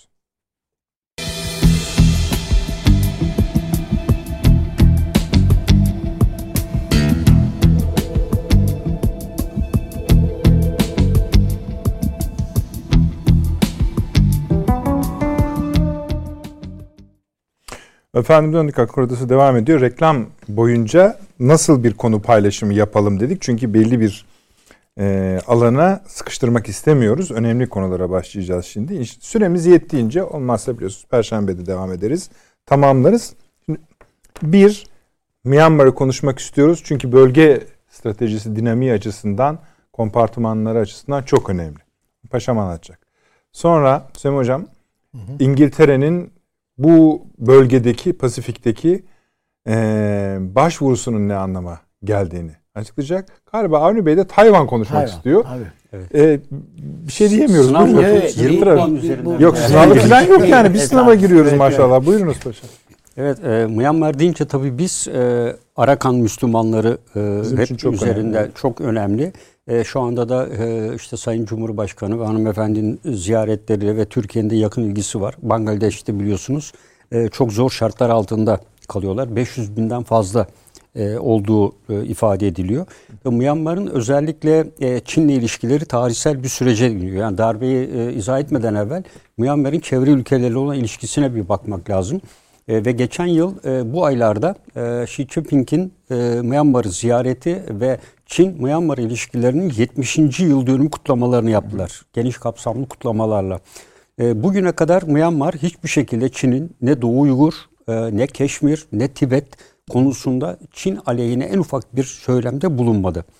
E, ve Myanmar hemen hemen ticari ilişkilerinin tamamını Çin'le yürütmekte ve özellikle Çin'in denize inmede Bangladeş'ten aldığı liman, Myanmar'dan kiralamak üzere olduğu liman dahil Pakistan'ın Gwadar limanını Bangladeş, Myanmar, e, burada bir ülke daha var. Bu üçü üzerinden de limanlar yapıyor ve doğrudan doğruya denize inmeyi planlıyor. Şimdi bu süreç içerisinde seçimler yapıldığı anda ki seçimde kadın lider vardı ve Nobel ödülü almış evet. bir kadın lider. Hapse girdi, evet. 10 yıl ev hapsinde kaldı. Evet, evet e, efendime söyleyeyim dediğiniz gibi Nobel ve başka ödüller evet. aldı ama bir arıza vardı. E, oradaki Müslümanları savunmadı.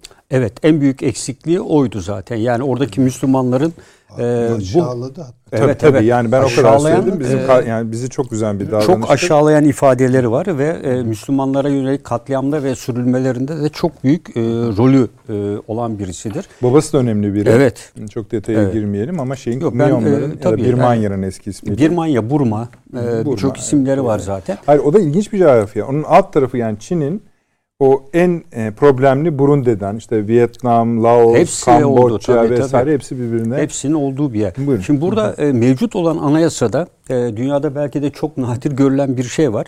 E, ordu normal seçilen milletvekillerinin yüzde 25'ine sahip.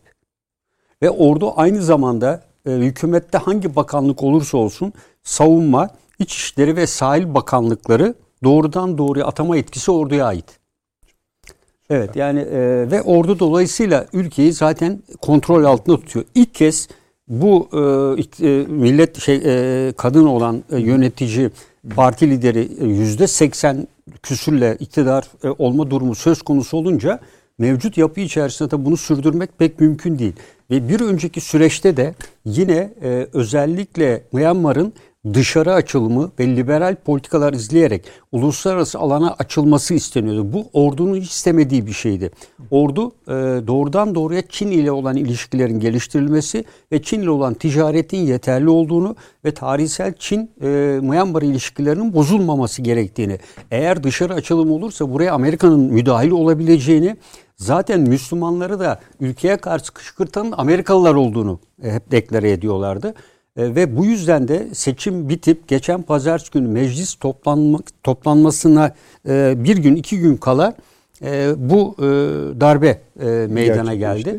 E, bunun, tabii sonucunu tabii, bence o biraz çünkü ciddi bir fark yedi ordu öyle söyleyelim. Evet evet evet yani e, yüzde 25'i e, yani yüzde 80 75 olacak. Onun bile üstüne yani çıkıldı oyda. 436 milletvekili diyorlar. Evet. Onun 396'sını kaybetti. Evet öyle. kaybetti ve bundan sonra da kendi iradesiyle ordunun herhangi bir şekilde bir karar çıkartması ve ülke yönetiminde etkili olması mümkün değil. Hı. Ama bu tabi e, yeni gelecek iktidarla Amerika e, yanlısı bir politika izleneceğinden bu bugüne kadar Çin-Myanmar ilişkilerini etkileyecek. Bir de Biden'ın özellikle Çin'in güneyden kuşatılması için e, Pasifik Komutanlığı'nın ismini Hint Pasifik Komutanlığı olarak değiştirmesi Çok bu. Bizim ve Pentagon evet ilgilendiren bir şey. Evet, evet Pentagon buyurunuz. bütçesinde de bu maksatla e, e, Pasifik İnisiyatifi adı altında bir yapılanmaya giderek buraya çok ciddi buradaki müttefiklere ciddi paralar aktarılması e, Çin'in güneyden kuşatılması anlamıydı. Myanmar-Çin ilişkilerine baktığımızda bu esasında Biden'ın bence yönetime geldikten sonra çevreleme konusunda ilk kez e, Biden'a karşı yapılan bir hamle olarak düşünmek evet. gerekiyor bunu. Ve dolayısıyla Orada İngiltere'nin de etkisi olan Tabii yani İngiltere'nin de olabilir. Özellikle e, birazdan konuşulacak yani anlaşma ile birlikte. E, burada dediğim gibi ordu e, tamamen e, Çin ile olan bağlantısını koparmamak, Amerika'nın kuşatılma kuşatmasına aracı olmamak üzere e, bu darbeyi yapmıştır e, diye değerlendiriyorum. Peki. Tayvan'ı da bitirip o zaman tam harita için size gel. Buyurunuz. Yani hocam söylediği... Siz Myanmar ayrıca merak ediyordunuz. Çünkü. Yani Myanmar fevkalade önemli. Bu herkes esasında bu San Suu Kyi'nin e, bir şeyler yapacağını Ben de sizi de tebrik ama, ediyorum. İlk defa birisi ekranlarda o ismi zikretmeyi cesaretini gösterdi. ben de bir saattir bakıyorum nasıl söyleniyor Hayır, diye. Deminden beri Aung San Suu Kyi yani bahsettiğimiz evet. hanımefendinin ismi bu. Evet. evet. Ee, ama onların dilinde yani nasıl çok şey söyleniyor ümit ediliyordu ama o kadar uluslararası e, ödüllere boğulmuş olan bir insan e, kendisine biçilen o demokrat gömleğin gereğini hı hı. E, Müslümanlar söz konusu olduğu vakit yerine getiremedi. Son derece e, sekter efendim yani e, söyleyebiliriz bir, eline kan bulaştı. Evet, evet, evet, evet kan kesinlikle bulaştı. öyle. Bugün belki de 500 bin diye söyleniyor ama hı hı. De, çok daha fazla mülteci e, Bangladeş'te yaşıyor falan. Şimdi öbür taraftan Çin yani bu darbenin esasında sorumlusu Çin açıkçası. Hı. Çin teşvik etti. Çünkü Çin'in yerleşme alanlarından birisi esasında Myanmar. Evet. Hatta denize en kısa zamanda açılma noktası yani. Tabii. Yani hem öyle hem de yani orada bir Çin kolonisi var zaten şu anda. Bir yerlerde Çin zaten böyle e, sadece şirketleriyle değil nüfusuyla da geliyor yani bir ülkeye geldiği vakit. Çin geçtiğimiz hafta iki yerde kendini gösterdi. Bir Myanmar'da, Tayvan. bir de Tayvan'da. Yani bu savaş konusudur ve bizim güvenliğimiz konusudur. Diye. Özellikle Tayvan. Tayvan. Tayvan. Söz konusu olduğunda. Hı hı. Halbuki Tayvan yani Amerika'nın garantisi altında hayatiyetini sürdüren birka, birkaç ülke tanıyor. İşte onun üzerinden çünkü Geçmişte sadece işte milliyetçi Çin diye biliniyor. Birleşmiş Milletler sadece Tayvan'ı tanıyor idi. Ama Kızıl Çin dediğimiz Çin Halk Cumhuriyeti e, bastırınca e, Birleşmiş Milletler'den çıkarıldı e, ve Amerika dışında hiçbir ülke yani çünkü Tayvan'ın tanıması koşuluyla bunu kabullenmişlerdi Amerikalılar e, Tayvan'ı tanımamaya başladı herkes. Ama Biz de o, yani o, Türkiye'de dahil evet. ilişkilerimizi kestik. İlişkilerimizi kestik. E, ama bu statüye rağmen Çin burası aslında bizim toprağımızdır. Diyor ve ben yani Çin'in mesela güç kullanabileceği bir yer varsa ilk önce burası ol yani tabii, kullanır. Tabii. Zaten yani Amerika anayasasında burası zaten Çin diyor. Yani. Öyle. Yani, hiç yani bizim toprağımız da diyor adam. Şey Dolayısıyla bu Çin'in ilk defa yani acaba hani hem Myanmar'da böyle çok kendimizi gösterdik. Bir de burası filan diye hiç tereddüt bile etmeden bu dostlamasına bu e, Tayvan konusunda kendini gösterdi, ortaya çık ortaya attı kendini. Bu aslında Çin'in uzak doğuda, Pasifik'te çok daha radikal adımlar atabileceğinin de bir göstergesi, işareti. Bu Japonya ile ilişkilerde de var. Çıkacak yarın bir gün.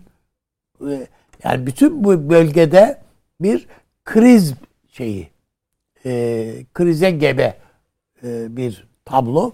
Onun için ben önümüzdeki dönem Çin'in hem bölgesel siyasetini, Pasifik siyasetini biz tamam Çin'i burada Akdeniz coğrafyasına kadar birçok yerde konuşuyoruz. Hatta Afrika'da dahil konuşuyoruz. Ama Pasifik'i fazla konuşmuyoruz. Çok önemli. Amerika'da yani, para, büyük parantezin önce, sağ tarafı işte evet, öyle söyleyelim yani. Tekim Amerika'da bütün deniz yani uzak doğu ya, askeri yapılanmasını Çin varlığının üzerine yeniden tanzim etti. Onun için yani Türkiye'nin de bu şeyi, tabloyu görerek hareket etmesi lazım. Bir de şunu ekleyeceğim çok buyurun, kısa. Buyurun. Çin hatta Tayvan'ı ikiye bölme bir kanal projesi de var.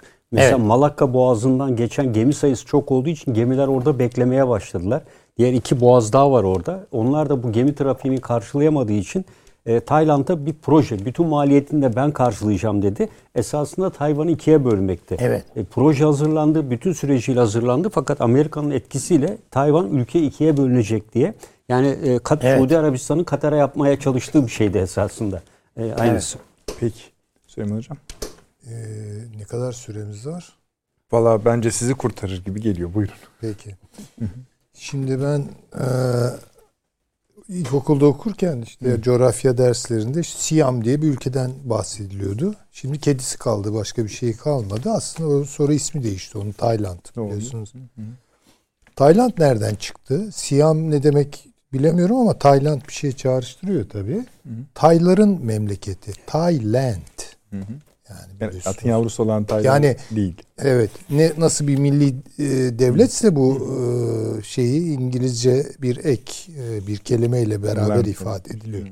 Ya, durumu anlıyoruz diyorsun. Evet. Şimdi bakıyorsunuz böyle işte Malezya falan işte o bölge hı hı. Malezya, Birmanya, Tayland falan bunların hepsi İngiliz sömürgeleri. Tabii. Hı hı. Hepsi İngiliz sömürge. Hong Kong'a kadar gider. Hem işte Hindistan'dan başlatın. Niye? Tabii. Tabii. Şimdi eee bir ada devleti düşünün. Kuzey Denizi, Manş falan işte yani. İşte oralarda bir Avrupa değil, Amerika değil. Böyle bir eğreti bir yerde duruyor. Ama kolunu açtığı zaman karşınıza Kanada çıkıyor. Yani batı aksına Tabii bakın öyle, Kanada öyle, çıkıyor. Öyle, öyle. Sonra güney aksına bakıyorsunuz Güney Afrika çıkıyor. Sonra biraz böyle Hint denizi Hindistan, Pakistan, Bangladeş çıkıyor. Sonra Doğu Akdeniz şey Pasifik'e doğru tekrar yaklaşıyorsunuz. İşte Tayland'ı, La, Laos'u bilmem nesi, Birmanya'sı, Burma'sı falan. Şimdi mesela Kanada üzerinde düşünüyor muyuz yani? Amerikalılar İngilizleri kovdular. E, evet. Kanada dominion nasıl oldu yani o? Kuzeyde elinde tutuyor. yani aslında dünyanın kapılarını tutuyor İngiltere. Bakmayın İkinci Dünya Savaşı'nda bir takım yanlış hesaplar yaptılar. Oldu. Orada bir güç dengesinde ha, yani dalgalanmaya Amerika, oldu. Çetin çıktı, Pazulu çıktı falan. Yer Biraz, değişikliği yaptılar. Ama ne zaman Amerika güçsüzleşir İngiltere kulaklarını diker oraya. Diker kulaklarını yani. Zaten kraliyet e, elemanları bir bakıyorsunuz Kanada'da, bir bakıyorsunuz Yeni elbette, Zelanda'da. Elbette. Şurada Avustralya hepsi de. Elbette. Yani bence şu an hani bazı insanlar ölüme çok yaklaşınca donduruyorlar ya kendilerini bekliyorlar. Hı. ileride bir çözüm çıkardı. Bazı şeyleri dondurdu. Hı. Şimdi hayatiyet buluyor onlar. Yani elinde şablon var. Bunu takip ediyor. Bakın ne yapıyor? Hemen transatlantik anlaşmasını bir kere Avrupa'dan çıkıverdi. Niye çıktı? İki, transatlantik anlaşmasına gireceğim ama diyor. Araya kama sokuyor. Sonra bir bakıyorsunuz işte Pakistan'da, Hindistan'da tabii, oralarda çok etkili. Doğu Akdeniz'de pozisyon alıyor, Karadeniz'de pozisyon Hocam, alıyor. İngiltere'de BBC'nin spikerleri Pakistanlı ya. Onlar kullanır yani. Hayır yani şey değil. Yani İngilizceye hakimiyet tabii, bakımından. açısından tabii tabii yani, tabii canım. Hala Hintliler ve Pakistanlılar. Çatır çatır İngilizcesinde konuşturur. yani yeni bir yüzyıla hazırlanıyor İngiltere. Tabii. Bunu görelim sessiz ve derinden. Yani ve bunun için Pasifik kilit anlaşma. dedi ABD'nin saydığı ülkeler, Yeni Zelanda'da vesaire sizin saydığınız ülkeler hepsi İngiltere'de. Tabii hepsi. Bitti. Onun hesabına yazılır yani. Şimdi bakın transatlantik anlaşmasına giriyor. Türkiye ile anlaşma yapıyor. Ticaret anlaşması yapıyor. Ondan sonra Çin'le anlaşma. Evet. Onu bir açın yani bu çok büyük bir anlaşmaydı o. Çok, çok büyük bir anlaşma. Onun üzerine İngiltere kendisi gidiyor. Giriyor. Giriyor. giriyor. Ve Hı. yani paşam tabii çok güzel anlattı onu. Çin ne yapıyorsa biraz İngiltere'nin bu işte dahli ne kadardır diye sormak lazım. Evet. O kadar pay veriyorsunuz. Yani, Myanmar'da darbeyi kim yaptırıyor? Evet Çin'dir muhakkak da. Yani bu aklı kim veriyor? Çok dikkatle biz bu programların başından yani, beri tabii bu söylediklerim çok genel bir hat. Gayet tabii. Yegan yegan konuşulması lazım. Hı hı. Ama İngiltere gövdesini gösteriyor. Gösteriyor ama yani başka gövdeler böyle daha fazla meşgul ediyor şu an bizim zihnimizi ama çok çok önemli. Tabii esasında yani, İngiltere zaten onu bekler. Yani der ve yani o gövdelere bakın size der. Ve böyle bir tür siyasi melamilik de yapıyor. Gemileri çürümüş. Evet ben de yani to, tıpa takarak herhalde gidiyorlar. Yani, yani kendini de böyle kötüleyerek falan. Konuştuk. Yani uçak gemisi grubu çıkardı yani. Evet evet. Ne yapacağı belli olmaz. Evet, Bakın evet. yani öyle yani bu şey gibi değil.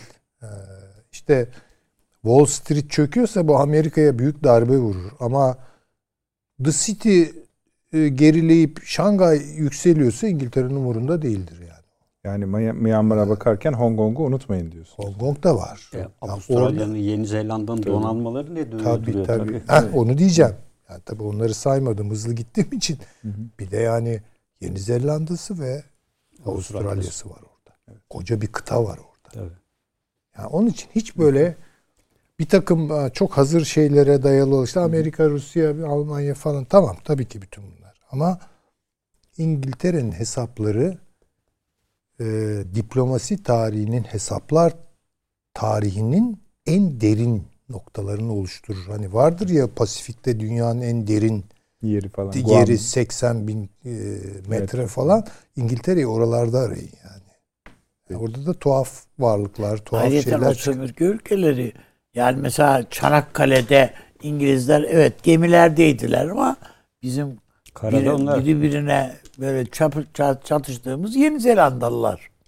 Evet göze. tabii tabii tabii. Yani öyle böyle yani, uyduruktan şeyler değil yani. Yani Kıbrıs'ta bile grup neydi onlar? Nepalli askerleri evet, çıktı. Evet. evet. Burkalar mıydı Burkalar, neydi onlar? Burkalar. Yani. Çoğu da yani bir kısmında en azından ki mektuplardan şundan anlıyoruz yani çıktıkları ülkenin Müslüman bir ülke olduğunu hatta kendilerinin bir, anlamamış da Hintli Müslüman askerler evet, falan öyle, da öyle yani. Öyle, öyle. İntihar edenler olmuş. Tabii yani. canım. Yani, hocam, şimdi namaz sizin bu, kıldıklarını görünce zaten akılları başlarına geldi. Sizin bu başlattığınız bölümü biz birçok programımız için sadece önümüzdeki program için değil bir girizgah. Yani çok yüzeyel tabii tabii öyle. Yani. Çok başka bir konu başka çünkü bir başka o. bir konu yani. Hep oraya giden hatları sayıyoruz. Ee, yani bir parçasını gördüğümüz için değil. Ama işte kendi dertlerimizden biraz öyle. Ama bundan sonra Hint Pasifik denilen şey çok önemli olacak. Yani çok Amerika'daki e, bütün yöneticilerin odak noktasının burası olduğu anlaşılıyor. Efendim bu akşam bol bol arka kapı açma fırsatı bulduk. Tam yapmak istediğimiz, sevdiğimiz şeydir. Umarım aynı şekilde siz de bilgi ve keyif almışsınızdır. Buna çok önem veriyoruz. Hamdi Bey çok teşekkür ediyorum. Sağ olun. teşekkür ediyoruz. Eksik olmayınız paşam. Sağ olun, var olun. Perşembe akşamı saat 21'de efendim. İnşallah yine huzurlarınızda olacağız. İyi geceler.